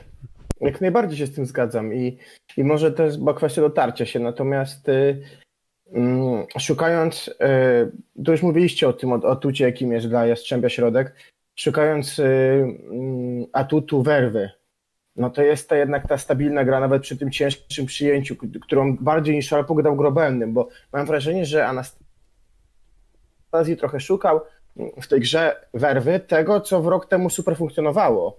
Czyli szukał właśnie trochę drugiego Tilly i szukał y, Janka Króla w takim sensie, że jakąś rok temu pasował. No bo Grobelny w fazie ofensywnej daje więcej niż Tilly, defensywnej może trochę mniej, natomiast e, mam wrażenie, że ta gra jest podobnie zbilansowana. Nie wiem, czy to jest tylko wizualna kwestia, czy sobie to uroiłem, ale wydaje mi się, że gdzieś szukamy najlepszych wzorców w tym graniu i, a, a i po to jest takie inne ustawienie. A, a, do swoj, a do swojego zespołu, gdybyście mieli wybierać, to wybieracie parę Szymura Luati czy Kwolek Robelny? Mm. Kwolek Szymura. Nie, nie możesz tak. Nie, nie, nie ma, nie ma takiej odpowiedzi. Leon Kowacewicz. Też, też nie ma, też nie ma. Też nie ma. E, Globalny kwolek. Z kim miałbym grać. Jeśli miałbym grać z zespołem, który tłucze zagrywką, no to jednak wolę mieć parę przyjmujących Luati Szymura. Ale, ale akurat Werwa nie jest zespołem, którego wybitnym atutem jest siła zagrywki. Więc y, gdybym miał się mierzyć z Werwą, to wolę mieć parę Szymura Luati, aniżeli kworek grobelny. Okay, a... a ja odwrotnie. Czyli co, czyli te atuty Kwolka, co? Pewnie, e, pewnie ta, tak, taka, najbardziej. Taka... A, ty A swoją drogą nie macie wrażenia, że Kwolek był jakiś taki przygaszony, nie był do końca sobą w tej rywalizacji z Treflem? No wiesz co, znaczy nie, wiesz co, jeżeli, jeżeli to był Kwolek, który nie był sobą i potrafił grać tak dobrze, to, to, to, to myślę, że nie, nie ma, nie, nie, ciężko jest mieć, ciężko mieć jakieś okay, duże... To, duże, to nie ma tematu. Duże, znaczy w sensie ciężko jest mieć duże zastrzeżenia, tak? No nie wiem, no wiesz, nie, nie wiemy do końca, co się dzieje w, z problemami organizacyjnymi w Warszawie nie wiemy, jak mocno to siada na, na głowę zawodników. Tak? No nie, nie, nie wiemy, nie, nie, nie będziemy w to wchodzić. E, są ludzie, którzy mają dostęp do lepszych informacji na ten temat, więc. Może to jest, wiesz, też kwestia taka, że dlatego tak zareagowali na słowa Janusza, że oni się tak motywują wewnętrznie wbrew wiesz, y, problemom. Taka, wiesz, twierdza na Mourinho trochę oblężona, może, tak, albo, to działa. Tak, no albo ja pamiętam jak ten. No ja to trochę tak... podobnie pewnie było w zeszłym sezonie, gdzie były te perturbacje z projektem Warszawa i tak dalej, że być może na te problemy e, poza Problemy cementują. trochę, Myślę, trochę cementują i Tak. trochę zawężają więzi w zespole, że mimo tych problemów panowie dajemy, łykamy to i jedziemy dalej. dokładnie. E, W Werwie wypada jedno ogniwo i, i, i, i, i, po meczu z Jastrzęb, w Jastrzębskim Węglu, że w No bo Jastrzębskim Węglu nie ma, nie ma problemu. że y, ławka stoi, znaczy ławka rezerwowych No będzie wiem. Jastrzębskiego Węgla. Znaczy, Jakbyś to Piotrek ocenił? Nie, jest, nie jestem przekonany. Ja też właśnie W miałem, sensie- w trochę się sensie- nad tym zastanawiałem gdzieś jakby na osobnym torze tej dyskusji. Tak, w sensie nie jestem przekonany, dlatego że nie uważam, że powiedzmy tak, jeśli oczywiście król, superlak, no to to są, wiesz, jakby ławkę oceniam jako ludzi, którzy mogą wejść w sytuacji, w których nie idzie podstawowemu atakującemu. Jeśli uznajemy, że jest król, no to superlaka mimo wszystko ja oceniam jednak trochę wyżej niż Buckiego, jeśli chodzi o jakość, jakość gry. Jeśli chodzi o przyjmujących, no to tutaj tak, gdyby Fornal był w formie, to nie ma o czym mówić, tak? No to, to, to wtedy bym powiedział owszem, no ale Szalpuk nie A zagra... jeśli, a jeśli w formie będzie Szalpuk, no to jednak trochę przewagi tu można by szukać pod pewnymi względami właśnie po stronie Warszawy chyba. Dokładnie, no na środku, tak, środek to No jest ten, pewnie na środku, tak? Tak, I no? Środek tak, Michał Szalacha, ewentualnie ale już, ale no już ten, ale już Kozłowski versus Terwaporti? W sensie Mhm. Terwaporti pewnie jest nieco lepszy, no ale no, przegrywa rywalizację z Kampą, a w przypadku rozgrywających też ma to trochę mniejsze znaczenie, no ale też Kozłowski jest, jakby nie, nie, inaczej, nie, nie wiem, czy jestem w stanie powiedzieć, czy Werwa ma lepszą ławkę, czy Jastrzębski Węgiel, ale jestem w stanie powiedzieć, że mówienie o tym, że Werwa nie ma żadnych żadnej zmiany jest y, po prostu nietrafione.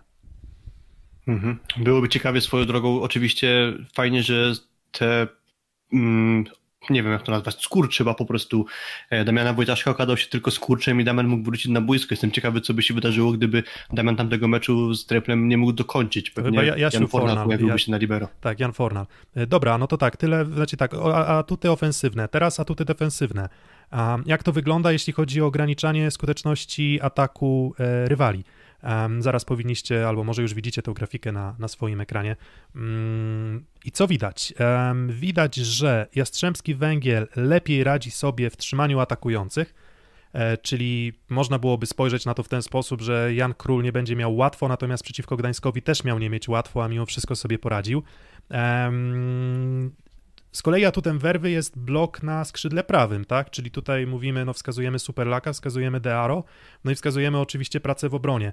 Em, natomiast jeśli chodzi o środkowych, to nie ma, nie ma, nie ma żadnej przewagi. Jakby to są i, i, i jedna, i druga drużyna mają mniej więcej podobną jakość e, właśnie w tym aspekcie, czyli trzymania środkowych, czy ograniczania e, skuteczności środkowych.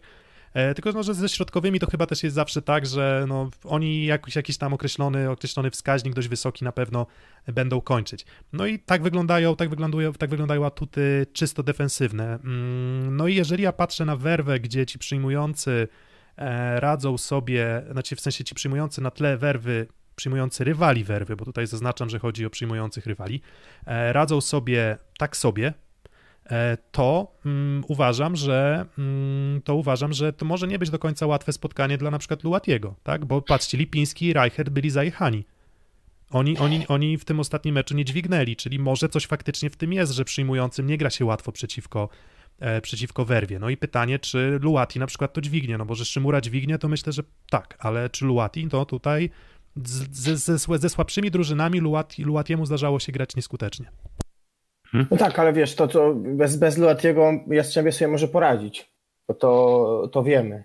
I to jest ta kwestia, że on bez niego w top formie i bez jego wielkiego wkładu oni są w stanie sobie poradzić. Tak, także tak, to, Więc- to, to prawda, to prawda. Em, więc wiesz, więc oczywiście to są tylko, tylko jakieś tam parametry wskazujące te plusy, minusy, tak?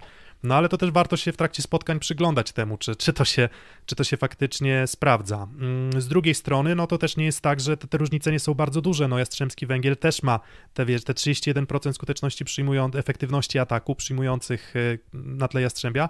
To jest wynik też dobry, tak? Więc, y, więc Jastrzębie też ma atuty defensywne, ma też atut zagrywki, no ale o tym jeszcze za chwileczkę. No to właśnie, bo też dużo zależy od tego, jak te, znaczy inaczej, te liczby, które tutaj były, dużo zależą chociażby od jakości przyjęcia, a, a obawiam się właśnie o to, że Jastrzębie, znaczy obawiam się, to jakby po prostu tak sądzę, że tak to będzie wyglądać, że Jastrzębie będzie bardzo dobrze miało przyjmowane piłki i Kamba, Kamba będzie mógł jednak ten skuteczny w większości blok werby porozrzucać. No to, no to przyjęcie na grafice. No bo chyba się tutaj wszyscy zgodzimy we trójkę, że zagrywka nie jest atutem werwy, chociaż plus jest taki dla nich, że mało psują. No to przyjęcie zaraz na grafice, e, na grafice zobaczycie. Mm. I co, co, co, co pokazuje przyjęcie? No drużyny bardzo porównywalne. tak? W zasadzie patrzysz na, oczywiście, problem ze statystykami przyjęcia jest taki, że one są statystykami ocennymi, każdy statystyk y, ocenia je trochę inaczej, to są dane po prostu zagregowane, natomiast myślę, że jakiś tam trend obrazują i Jastrzębski Węgiel i Werwa to są drużyny z dobrym przyjęciem i myślę, że Jastrzębski, znaczy właśnie fajnym połączeniem w Jastrzębskim Węglu jest dobre przyjęcie i bardzo skuteczny środek.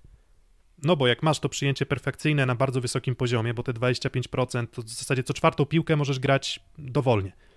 Możesz grać na środek, możesz sobie przyspieszyć na lewe skrzydło, możesz zagrać pipa, cokolwiek.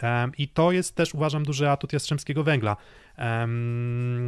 I, no i te procent błędów przyjęcia, no to nieznacznie więcej popełnia ich werwa, ale, ale czy to jest jakaś znacząca różnica, e, tego nie wiem, więc tutaj też, no, na poziomie przyjęcia wydaje się, że na tle wszystkich rywali w tym sezonie, no to drużyny bardzo porównywalne. Mhm. No i te statystyki Jastrzębia tutaj może e, spotęgować, jeszcze poprawić względnie właśnie to, co mówiłem wcześniej, czyli jakość zagrywki werwy, e, czyli no nie najwyższa po prostu. Czyli można zakładać, że skoro ta średnia wyszła lepiej od werwy, no to i jeszcze lepiej wyjdzie w graniu właśnie stricte z werwą, która zagrywką no nie imponuje. No właśnie, a to jest y, duży atut Kampy jest to, że on lubi grać kombinacyjnie, że mogli się mówić o tym, że tam jest problem czasami może z tempem, może z dokładnością, ale raczej rzadko kiedy z, z kombinacją, z prowadzeniem gry, więc mam wrażenie z jednej strony, że ten e, zespół pasuje mm, Jastrzębiu, z drugiej strony, no wiesz, wyniki dwóch spotkań pokazują coś innego i na przykład, nie wiem, tego nie, nie mówiliśmy dokładnie dwóch spotkań jak bezpośrednich, ale w tym drugim na przykład, które wygrała Werwa, no to to był globalny show, bo tam było 20-27, e, on szedł za Szalpuka chyba od razu w pierwszym secie i, i, i zrobił show, także mm, Jestem też ciekaw, na ile, na ile właśnie to, że my prognozujemy, czyli teraz ja, że y, Jastrzębie będzie się grało przyjemnie przy dobrym przyjęciu, jest, jest y, tylko moim złudzeniem, a na ile będzie rzeczywistością. Mm, no właśnie, no bo Tref Gdańsk też niby miał dobre przyjęcie, a nie był w stanie, nie był w stanie tego wykorzystywać.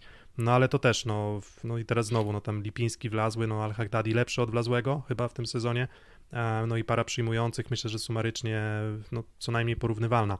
No i właśnie zagrywka, hmm, czyli tak, do Jastrzębski, Jastrzębski Węgiel jest najlepiej zagrywającą drużyną ligi. Hmm, I to widać w, każdych, w, każdym, w każdym parametrze, na jaki spojrzymy.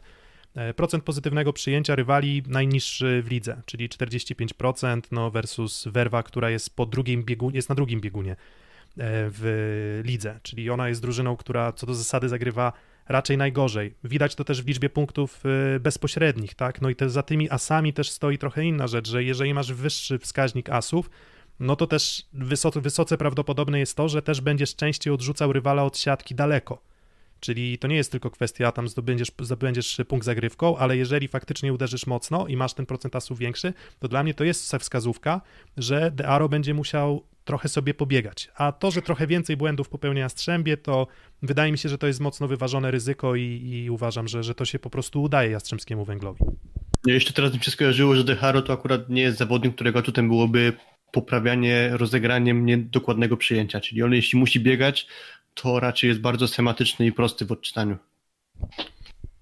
Mm, no właśnie, no więc, więc nagle tak, patrzymy na atuty ofensywne, podobnie, atuty defensywne, podobnie, no to patrzymy na przyjęcie podobnie, no to w zasadzie widzimy, że zagrywka jest tym takim elementem różnicującym, no i jeżeli te pozostałe elementy są równe, to, to wydaje mi się, że Jastrzębski Węgiel też zatutem własnego parkietu no jest faworytem, ale tak na początku myślałem, że to on będzie takim faworytem bardzo zdecydowanym, potem spojrzałem na te wyniki spotkań historycznych, e, spojrzałem na, na atuty zespołów i już taki pewny, powiem wam szczerze, nie jestem. Mhm. Ale no mimo wszystko chyba widziałbyś faworyta po stronie właśnie drużyny Gardiniego, tak?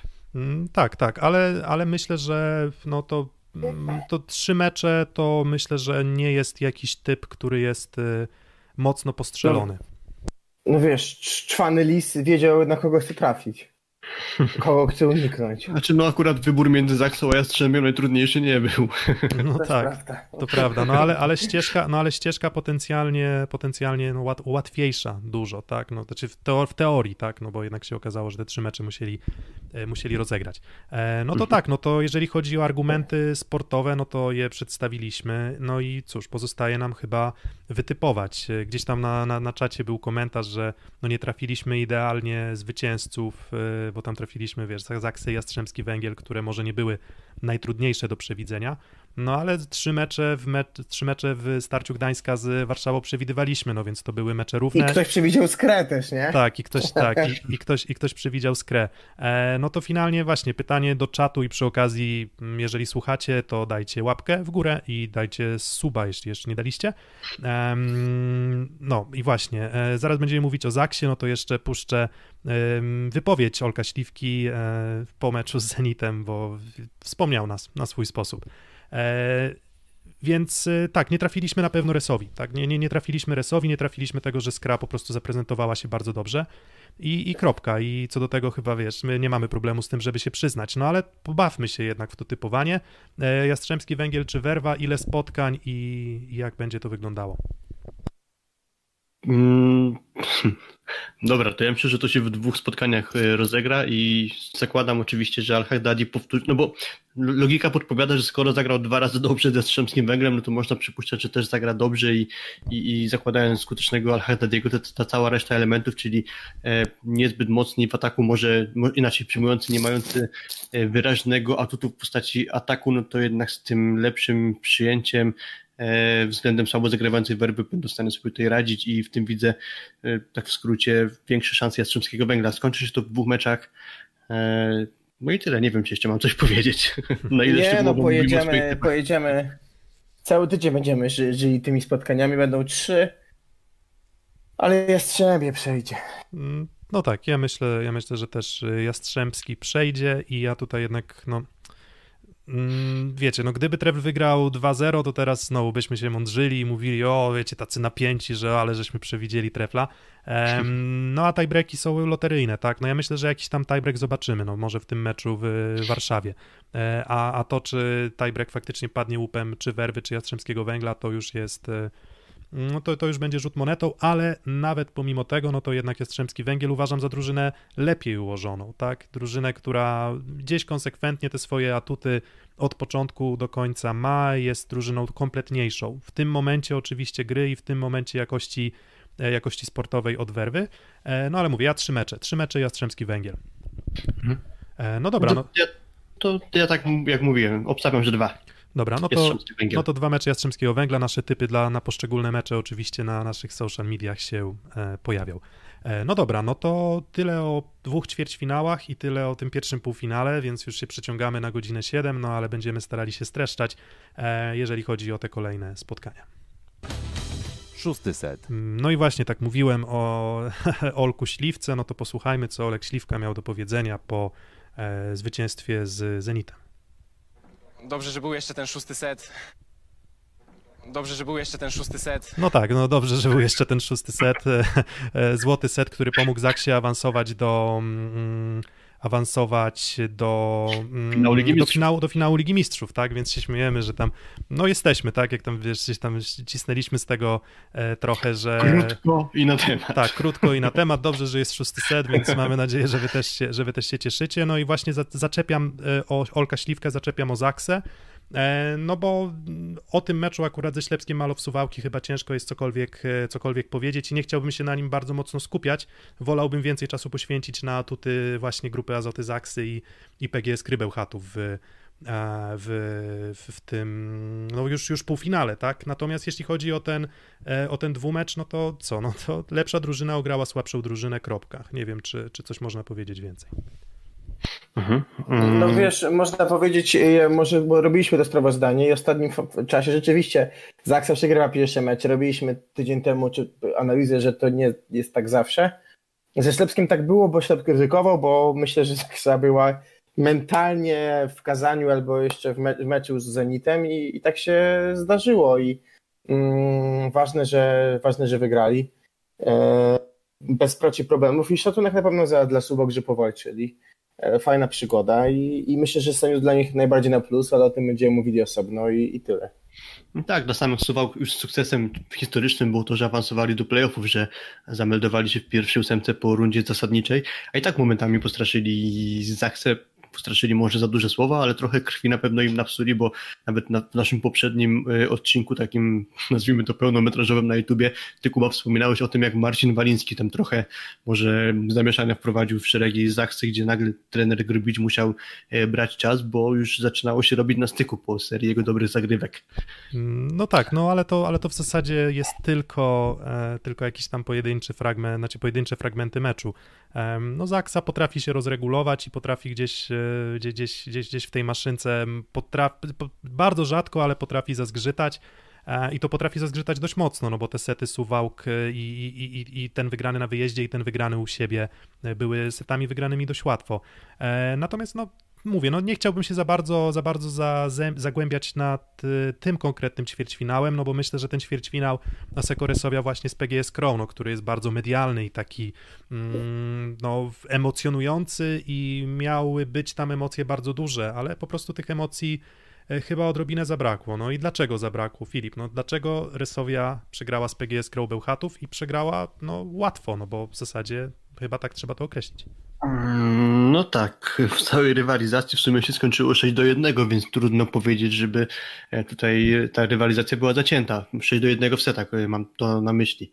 A generalnie częścią wspólną dobrych meczów Resowi i wygranych Resowi jest dobrze grający Karol Butryn. Nie było spotkania, że Resowia by wygrała swój mecz, robiła dobre wrażenie, a nie byłoby e, to związane z dobrą dyspozycją mamy, Butryna. Mamy do tego dedykowaną. pierwszy już mankament. Mamy do tego dedykowaną grafikę, Filip. Więc tak, pokazuję. dokładnie. Mamy na to, że tak powiem, liczby. Tak, mamy na to, mamy na to e, liczby, mamy na to dowody. Nie tak, było jeszcze wykresów, to... były liczby, ale teraz są, jest wykres. I co widać na tym wykresie? Um, Butryn grał fenomenalną siatkówkę. Grał siatkówkę, która w zasadzie za uszy gdzieś Teuresowie wyciągała i moim zdaniem pewne mankamenty pudrowała, ale przyszedł playoff i playoffów nie dźwignął. No i teraz pytanie, czy nie dźwignął dlatego, że to PGS Krabeł Chatów była w stanie powstrzymać jego atuty i po prostu go rozczytać, i poprawiła się w grze defensywnej, czy po prostu Karol Butryn był pod formą, no bo znowu, no to jest troszeczkę jak z, z, z kilkoma zawodnikami, no trudno było Butryna nie wpychać do kadry po tych 26 spotkaniach, no a teraz ci, którzy krytykowali, czy powiedzmy taką ideę może trochę wyśmiewali, to teraz wychodzą z założenia, że no jeżeli te półfinały, znaczy jeżeli te ćwierćfinały play-off pokazały, że on nie dźwignął, no to się na ten poziom reprezentacyjny nie nadaje. No to jak to jest z Karolem Butrynem? A wiesz co, ja miałem taką złotą myśl, yy, że Y, no, co z największym atutem Mieszka? Kim on był wcześniej? Analitykiem.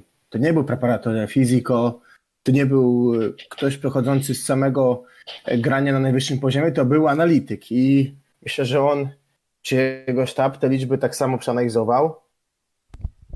Słyszałem, wiedział, co słyszałem, No i słyszałem, co, no, myślę, że Butynowi...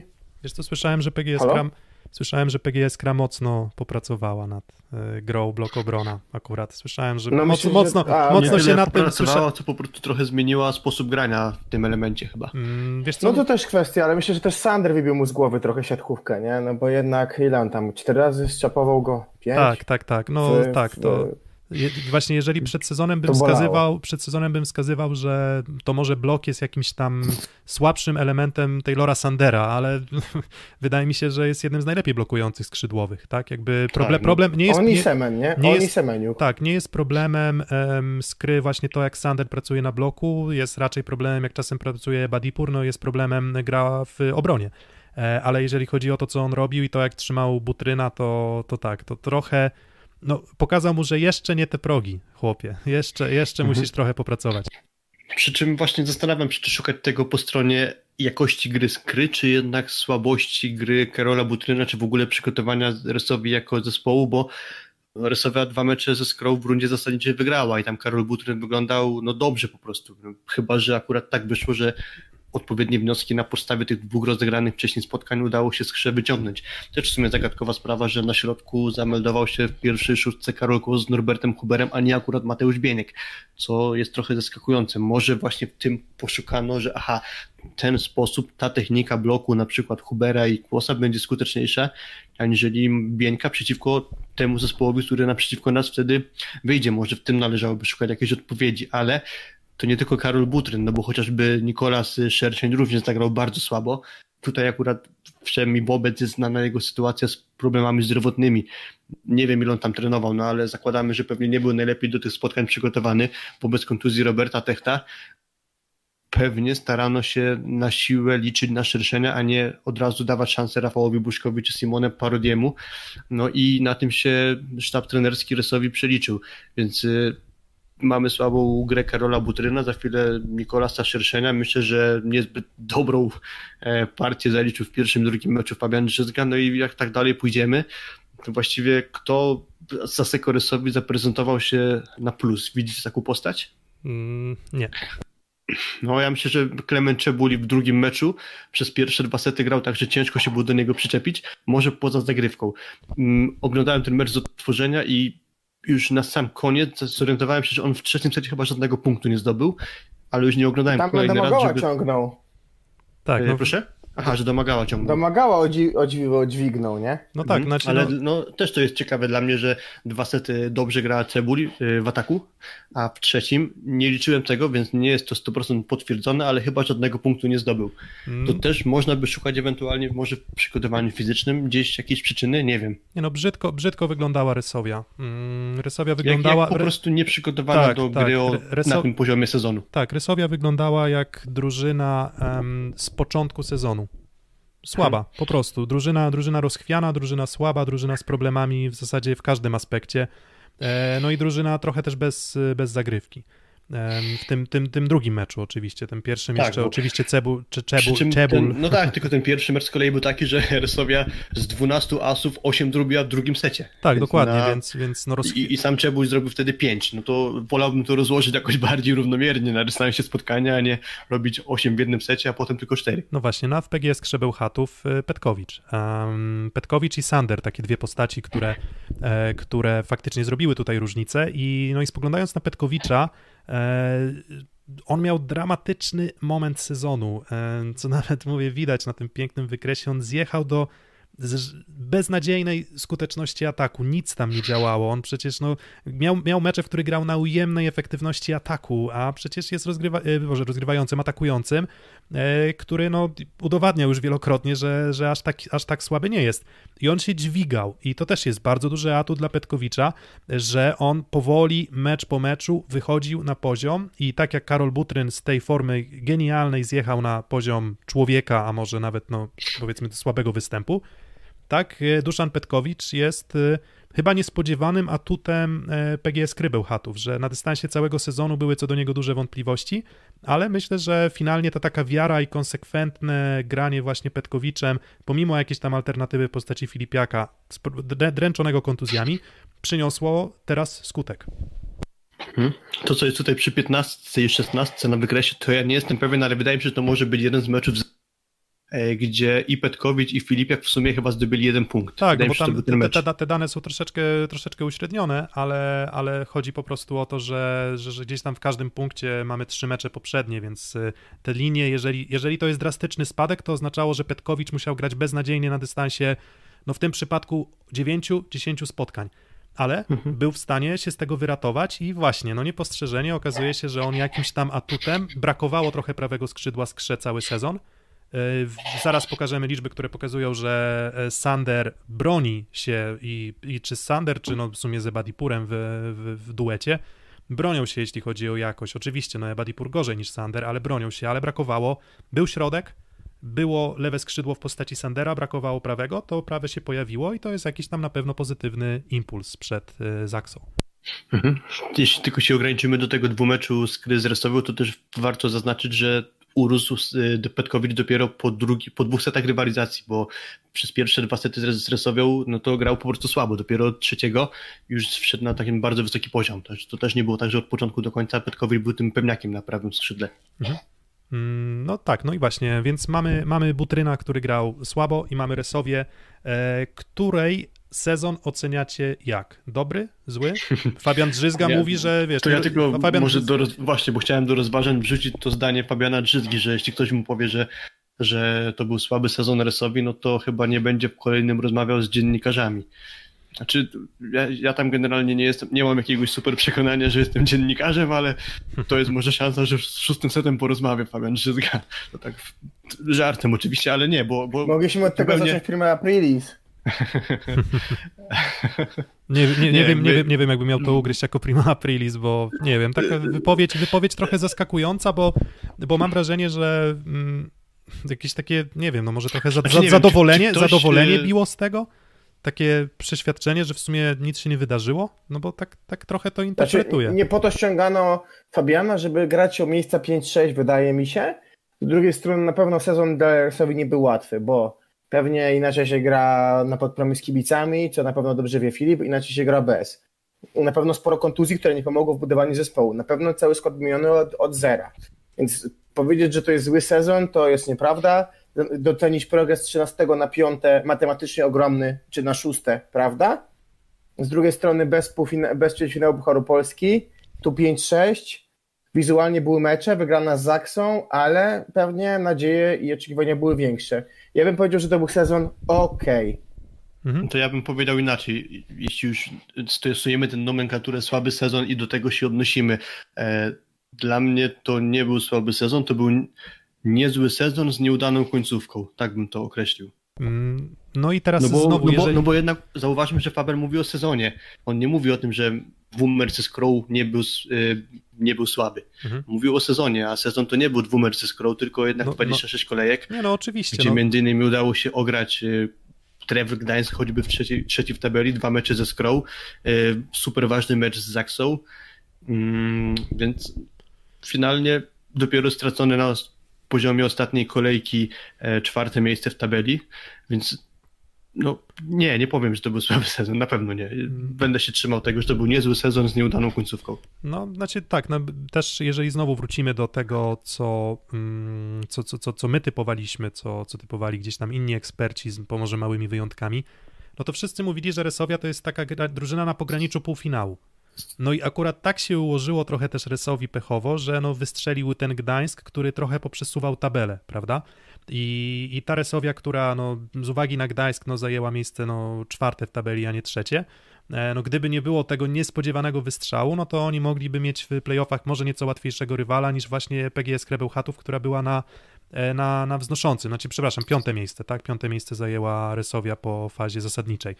Mm, Więc, y, więc no, wydaje mi się, że tak, tak właśnie było po prostu. Na pograniczu playoffów, na pograniczu, znaczy, przepraszam, na pograniczu półfinałów e, nie udało się. Em, Problemy oczywiście, ja Kuba tutaj się z tobą też zgadzam, zauważam te problemy, ale nie zmienia faktu, że uważam, że jednak Czebul trosz, troszeczkę jednak mnie rozczarował. Trochę rozczarował mnie, mm, rozczarował mnie momentami Fabian Drzyzga z poziomem gry. E, Nie zrobili dużej poprawy jakościowej, na przykład Dżendryk i, i Tamema to jeszcze się obronił, ale z Dżendrykiem. Więc co do zasady uważam, że mm, Resowia zagrała dokładnie to, co potrafiła i no i brak szczęścia może w tym, jak się tabela ułożyła na koniec spowodował, że no i brak formy po prostu, no bo te, te mecze ewidentnie nie były moim zdaniem prawidłowym i takim kompletnym obliczem Resowi z tego sezonu. Tak, przy czym nie tylko dwa mecze, ale też ten ostatni mecz z Olsztynem jakby zwiastował to, że coś nie tak jest z formą po prostu zespołu. No bo jeżeli na dystansie trzech spotkań Resowia gra poniżej tego, do czego mogła przyzwyczaić, no to trudno mi to przepraszam, upiłem wodę i się tak sztusiłem. E, Trudno mi to skwitować tak, że Stanęło ci była dobrze przygotowana do tej stanęło. najważniejszej części sezonu.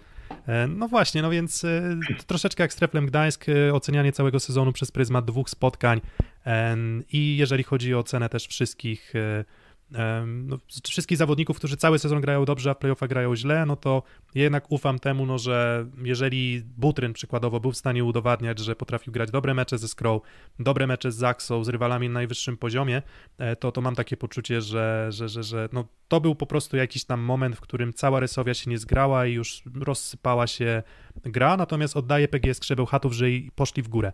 No i dobra, no to teraz y, drugi półfinał, no bo wszyscy stawiają na Zaksę, ale czy Skra ma jakieś argumenty? Szósty set. Mm, No czy ma argumenty? No to wystarczy spojrzeć na mecze, tak, które rozegrały drużyny w tym sezonie, a było to aż y, cztery spotkania. E, Dwa spotkania w ramach Plus Ligi, dwa spotkania w ramach fazy grupowej Ligi Mistrzów. No i nawet jak sobie spojrzymy na to, że pomimo tego, że to były aż cztery zwycięstwa Zaksy na te cztery rozegrane spotkania, to jednak to, pomimo tego, że to nie była skra, o której można było powiedzieć, że grała swoją topową siatkówkę w tych meczach, to oni byli w stanie Zaksę troszkę nadruszyć. Byli w stanie naruszyć ją w lidze, gdy jako pierwsi urwali punkty Zaksie, byli w stanie e, naruszyć ją w taki sposób, żeby zdobyć e, dwa sety. No i właśnie, czy, czy, czy, czy, czy, czy, czy macie wrażenie, że jest tu jakiś taki mismatch pomiędzy PGS Crow a Zaxą? Mówię w takim cudzysłowie, że czy Zaksie może się grać trudniej e, z, właśnie z PGS Crow Bełchatów jako rywalem? Nie. Nie. Wiesz dlaczego? Bo przeanalizowałem sobie wszystkie cztery spotkania. W każdym z nich niesamowicie grał Olek Śliwka, ale tak niesamowicie, na poziomie 70% e, skuteczności, albo 60, co najmniej 60 w każdym z tych spotkań. Mm, w którymś to było, chyba w tym, w jakimś to było 75 nawet, więc on sobie hulał w każdym meczu nad Petkowiciem, nad Łomaczem. Ciekawe, bo na Gdzieś cztery mówimy, mecze że siłą... MVP był Śliwka. jakby No posz... właśnie. potwierdza jakby to, co ty Kuba mówisz. Dokładnie, jakby gdzieś, e, co mówimy, siłą e, Zaksy są grający dobrze na wysokiej piłce, przyjmujący, prawda? Prawda. E, Blok skry, atakujący i rozgrywający, średni. Więc e, tu jest duży, duży, duży punkt e, styczny. Mm, I wydaje mi się, że, że to jest duża przewaga Zaksy. Po drugie, jeżeli Zaksa nie spadła z formy z meczów z Zenitem, to szalenie ciężko będzie skrze, nawet przy ich dobrej grze i przy ich przekonaniu, że walczy Mistrzostwo Polski, e, na tyle się podnieść, żeby być w stanie być przeciwnikiem, który, nie wiem, doprowadzi do, do wygranej, bo to, że będą emocje, na pewno, to, że mogą być trzy mecze, nie wykluczam. Musimy... Ale w odnośnie do rachunku bardzo byłem zdziwiony, bardzo, bardzo. To powinniśmy chyba iść w kierunku tego, gdzie Skra ma atuty, które będą jej pozwoliły przechylić szale tej rywalizacji na jej stronę, bo jeśli przedtem mówiliśmy o tym, że w gazie jest Duszan Petkowicz, że można na niego liczyć, no to jednak Saksa ma za sobą spotkania, gdzie jej rywalem był Maksim Michajłow, wspaniale grający, no i tak to nie wystarczyło na ogranie Kędzierzynian, więc tutaj mamy taką No wiesz, in, inny blok jest na inny blok jest Semeniuka, tak, niż y, przyjmujących y, Resowi na przykład, także no tutaj też będzie miał inaczej pewno Duszan. Zresztą w meczach z Zaksą bardzo słabo grał za każdym razem atakujący. Skry, za każdym razem. Grał bardzo, bardzo słabo. Mm, No właśnie, więc e, Kto by to nie był?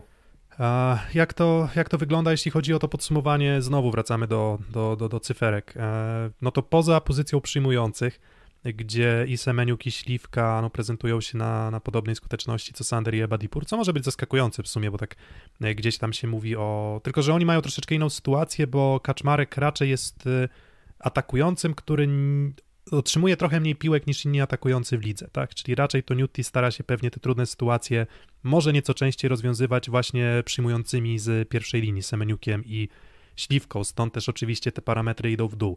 No ale mm, by, właśnie Zaksa jest we wszystkim lepsza. Jest, y, ma skuteczniejszego kaczmarka, y, ma y, przyjmujących, którzy chyba po prostu też są najzwyczajniej w świecie e, lepsi. Sander oczywiście to myślę, że jest poziom Semeniuka i Śliwki, no ale Badipur w tym sezonie nie dowozi. No i dodatkowo jeszcze dochodzi ci gra środkiem, w którą Toniutti prowadzi bardzo dobrze i, i nawet jeżeli uważasz, że atutem na przykład skry jest to, że oni potrafią grać środkiem, no to jednocześnie wychodzi ci na to, że Zaksa też potrafi grać środkiem i robi to jeszcze lepiej.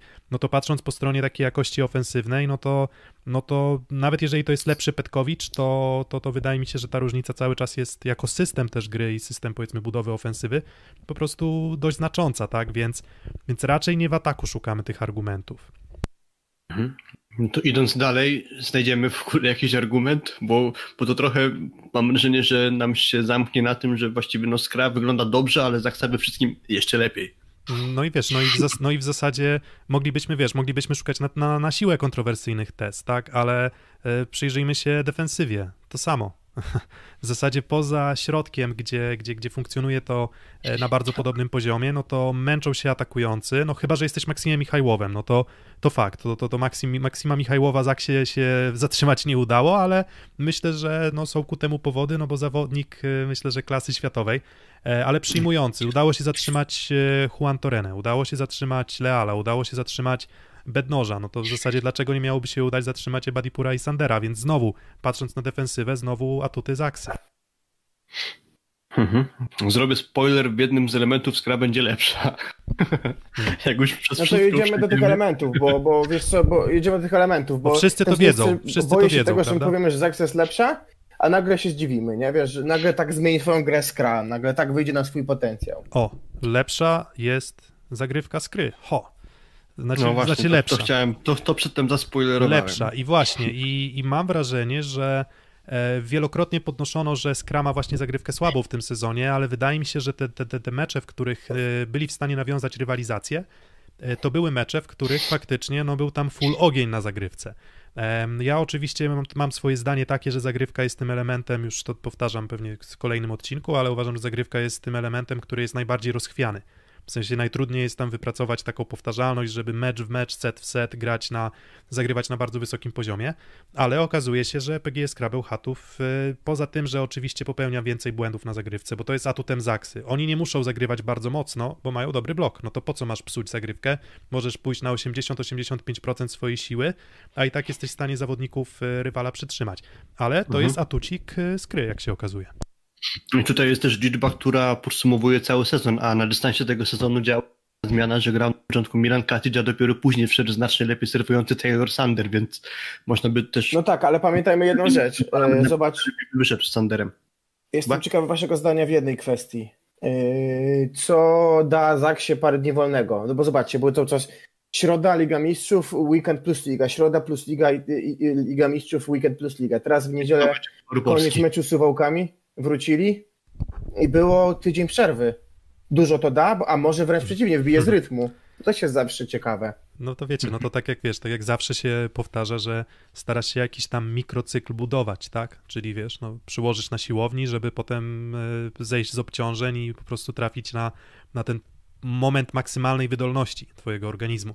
No to jeżeli gdzieś tam była budowa tego mikrocyklu na mecz z Zenitem, no to no to może, może tutaj faktycznie byłoby to trochę właśnie w tą stronę, o której ty, Kuba, mówisz, że no może ich trochę to rozproszy, może trochę ich e, z rytmu, z rytmu wypchnie, tak? Ale, ale bardziej bym się obawiał, gdyby oni mieli dwa tygodnie przerwy, ale przy tygodniu przerwy to, to takie normalne granie, wiesz, jak, jak w lidze po prostu. Nawet myślę, że z błogosławieństwem przyjęli ten czas odpoczynku.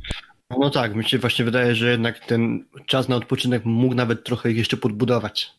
Mm, No bo jednak mieli, no umówmy się, mieli prawo być zmęczeni natężeniem fizycznym i natężeniem y, mentalnym tych spotkań, no bo jednak non-stop na krótkim dystansie były te mecze o dużym natężeniu psychologicznym, tak to nazwę po prostu, że grasz nagle o półfinał Ligi Mistrzów, grasz o finał Ligi Mistrzów, y, robisz historyczny sezon i trzeba mieć tę głowę na wysokich obrotach przez cały czas, a teraz można trochę odsapnąć na kilka dni. Dobra, no to jeszcze ostatnia grafika. E, przyjęcie. O, to też jest ciekawe, bo za, o, o Zaksie się bardzo często mówiło w kontekście tego, że oni nie do końca potrafią grać na piłce wysokiej, a potem jak tam e, statystyki udostępniał scout Indykpolu AZS Olsztyn Mateusz Nykiel e, czy, czy Kamil Sołoducha, no to się okazuje, że Śliwka potrafi robić 40% efektywności ataku, czy tam około 50 kilku procent skuteczności na piłce wysokiej, e, ale przyjęcie wbrew pozorom, pomimo Piechockiego, pomimo tego, że wskazywany jest jako słabszy element, no to ten procent przyjęcia pozytywnego jest bardzo porównywalny jak w Zaksie, tak? W zasadzie remis, tak? Jakby spojrzeć na te liczby, no to w zasadzie przyjęcie nie jest tutaj e, argumentem, tak? Natomiast e, mam wrażenie, że mm, mam wrażenie jednak, że patrzę na przyjęcie tutaj w kontekście tego, jak wrażliwa jest drużyna na to, żeby, żeby z tego przyjęcia negatywnego sobie radzić bądź nie radzić. Zaksa udowodniła już to kilkukrotnie w tym sezonie, że pod ciężkim ostrzałem potrafi to wytrzymywać. Czy Skra potrafi to wytrzymać? Tego nie wiem, więc jeżeli mówimy o porównywalnej zagrywce i porównywalnym przyjęciu, no to chyba znowu to nie będą te elementy, które będą decydować. No a w innych Zaksa jest lepsza. Mhm. Generalnie na przestrzeni sezonu atutem y, Resowi była zagrywka, tak można powiedzieć. I te dwa mecze wygrane w rundzie zasadniczej Resowi ze Skorą to właśnie była zagrywka. Teraz Resowi zagrywka nie siedziała. To jest jedna z przyczyn porażki y, Aseko Resowi z PGS Crow. I właśnie biorąc pod uwagę, że Saksa może tę skrę w przyjęciu naruszyć, no to będzie dużo sytuacji, gdzie skra nie będzie miała wygodnie dogranej piłki na, e, na siatkę i to ma, może być właśnie jedna z y, przyczyn tego, że Saksa tutaj będzie górą, czyli ta dość słaba umiejętność radzenia sobie na niewygodnych piłkach do Mhm. wystawy. No i też częściej, częściej gra środkiem skra. Więc jeżeli, a, to, jeżeli a to będzie wyeliminowane, tak, więc jeśli jeżeli, nie będą mieli przyjęcia. Dokładnie, no więc e, jakbyśmy nie szukali, to będzie e, bardzo duży problem z tym, żebyśmy Można, byli w można się stanie. gimnastykować, żeby znaleźć jakiś atut skry, no i jak widać z przebiegu tej dyskusji jest trudno. Znaczy, atutem, atutem skry jest to, że progresuje. I, I myślę, że co do tego, co do Tak, tego nie ma, nie wiemy, ma wątpliwości. Jakiego poziomu są w stanie doskoczyć. No tak, natomiast y, czy można wyciągać wnioski takie jednoznaczne, że, że Skra już osiągnęła jakiś poziom, który no, jest trochę bardziej bliski poziomowi Zaksy po meczu z Resowią, o której sami przyznaliśmy, że, mm, że po prostu nie, nie wyglądała na boisku do końca na samych siebie, tak? No nie wiem, no, więc może, może nie zjedli, może Jeszcze ja akurat nie tego meczu w, jakby to powiedzieć, y, nie, pre, nie w prime time, bo to nie to określenie, tylko jakby na żywo nie oglądałem w sobotę. Tak y, super dokładnie, oglądałem ten mecz z gry z odtworzenia, ale byłem już po lekturze wpisów, y, komentarzy na ten na temat tego meczu. I byłem trochę zaskoczony względem tego, co pisano, a to, co zobaczyłem, bo, bo dużo było pochwał w kierunku skry, a potem włączyłem sobie ten mecz i byłem trochę zawiedziony, bo no, no to trochę się zawiodłem po prostu. Myślałem, że ta skra zagrała znacznie lepiej niż, e, niż sobie założyłem, czytając różne opinie pomeczowe, więc to też nie było też, To to, do- była jakaś fantastyczna drużyna skry. Bardziej bym tutaj e, szedł w stronę niedyspozycji Aseka Oresowi. No to do brzegu. E, typy. Dwa mecze. Dwa mecze, ale uważam, że będą bardzo zacięte. Co, dwa razy po tej breku Zaksa? Nie, Zaksa, y, wiesz co, y, 3-2, 3-1 Zaksa i, Mm, i, ja- i ja- dziękujemy. Ja też, ja też bardzo, bardzo podobnie jak ty, Kuba. Czyli jeden tiebreak, y, jeden mecz y, wygrany za trzy punkty, tak w cudzysłowie, przez Zaksę. Em, No i dobra, no więc y, takie nasze typy. Zmierzamy ku końcowi naszego odcinka, dlatego że no już powiedzmy, nie mówiąc o tym, że rozmawiamy półtorej godziny, to wiemy, że w tle bardzo fajny mecz w lidze włoskiej, więc oczywiście zachęcamy do, e, do odpalenia. Gra To Lubę z... Parę słów może się o, o 9, 13, 12, Tak, tak, co? właśnie, właśnie chciałem Parę ten, zdań. Tak, ja chciałem, e, chciałem właśnie o tym wspomnieć. O właśnie, widzę, że jeszcze jakieś tam lajki nam e, docierają, więc dajcie łapki w górę, bo chociaż w sumie tam nie ma. Para, wiesz, ktoś ostatnio pisał, że nie ma znaczenia, czy łapki w górę, czy łapki w dół, ale ja sobie poprawiam samopoczucie, jak patrzę, że jest ich, wiecie, 95% w górę. Więc, e, więc jeżeli jeszcze nie daliście, to zachęcamy, żebyście dali. Jeżeli nie daliście subskrypcji, to również do tego zachęcamy. Em, tak, te spotkania o miejsca 9, 10, 11, 12, tak, które no, toczyły się trochę mecze o nic, ale no jednak trzeba oddać, że dla GKS-u Katowice miejsce dziewiąte jest chyba małym sukcesikiem, a dla Indykpolu AZS-u Olsztyn jest małą porażką, a dla Kuprum Lubin miejsce jedena, e, jedenaste jest miejscem, które jest moim zdaniem bardzo dużym sukcesem, e, a dla Radomia miejsce dwunaste jest niebywałą porażką. Jest po prostu bardziej adekwatnym miejscem Lubina względem Radomia, po prostu, bo dużo Znaczy, lepsze. wszystkich tych drużyn są adekwatne tak naprawdę, tak. nie? Wszystkich tych drużyn miejsca są adekwatne.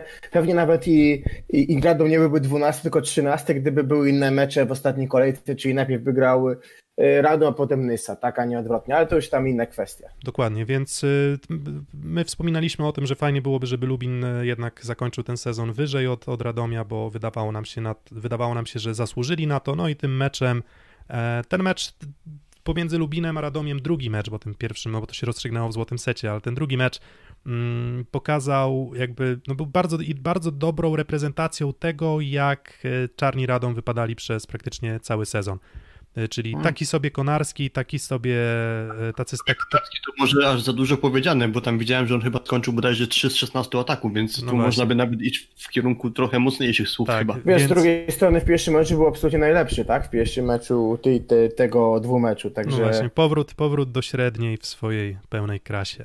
E, Jak masz jakiś tam poziom średni, który trzymasz, no to jak się odchylisz bardzo mocno na plus, no to jest niestety wysoce prawdopodobne, że kiedyś tam w końcu będziesz musiał wrócić na ten swój poziom e, średni. No a jeżeli chodzi o GKS Katowice, Indyk Pola ZS Olsztyn, no to w zasadzie jedynym istotnym elementem tych dwu, tego dwumeczu było dla mnie to, że to był prawdopodobnie e, ostatni mecz, który odbywał się w tej starej, zasłużonej i wysłużonej hali Urania w, w Olsztynie, która znaczy dla mnie bardzo dużo.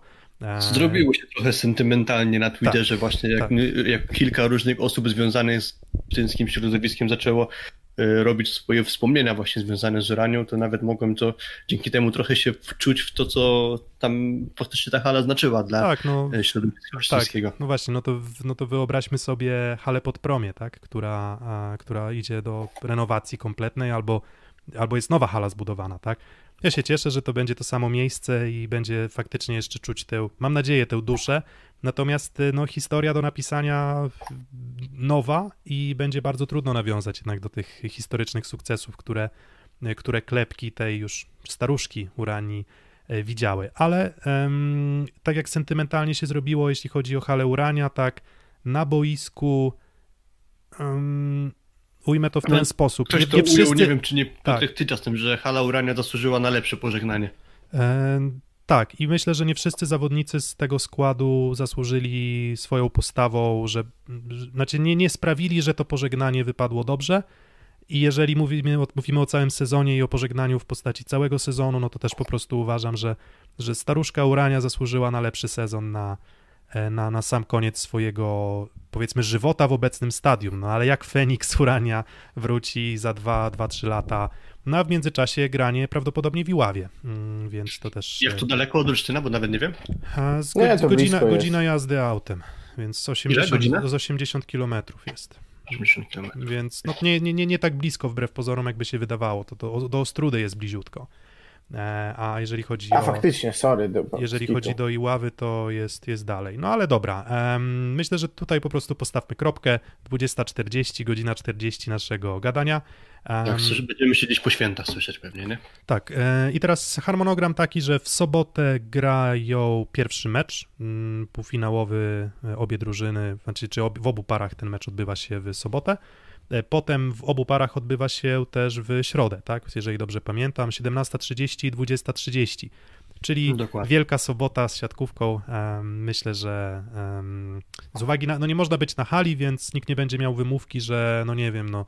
Możesz okna, okna można myć e, z meczem w tle. E, Piec, tak, dokładnie. dokładnie. No i dobra, tutaj kończymy. Jeszcze na koniec Olek Śliwka jeszcze raz. Dobrze, że był jeszcze ten szósty set. No dobra, mamy, cieszymy się, że wy jesteście z nami i cieszymy się, że, e, że, że po prostu będziecie, mamy nadzieję przynajmniej, propagować e, nasze wywody i mamy nadzieję, że było fajnie. Dobry, dobry suchar na koniec. E, Przyjedzie Janek Król do Olsztyna i ława. Dobra, dobra, to Dobre, dobre, tak. dobre. Muszę Dobre. pochwalić, dobre. dobre, dobre, kreatywne. Dziękujemy. Trzymajcie się, hejka.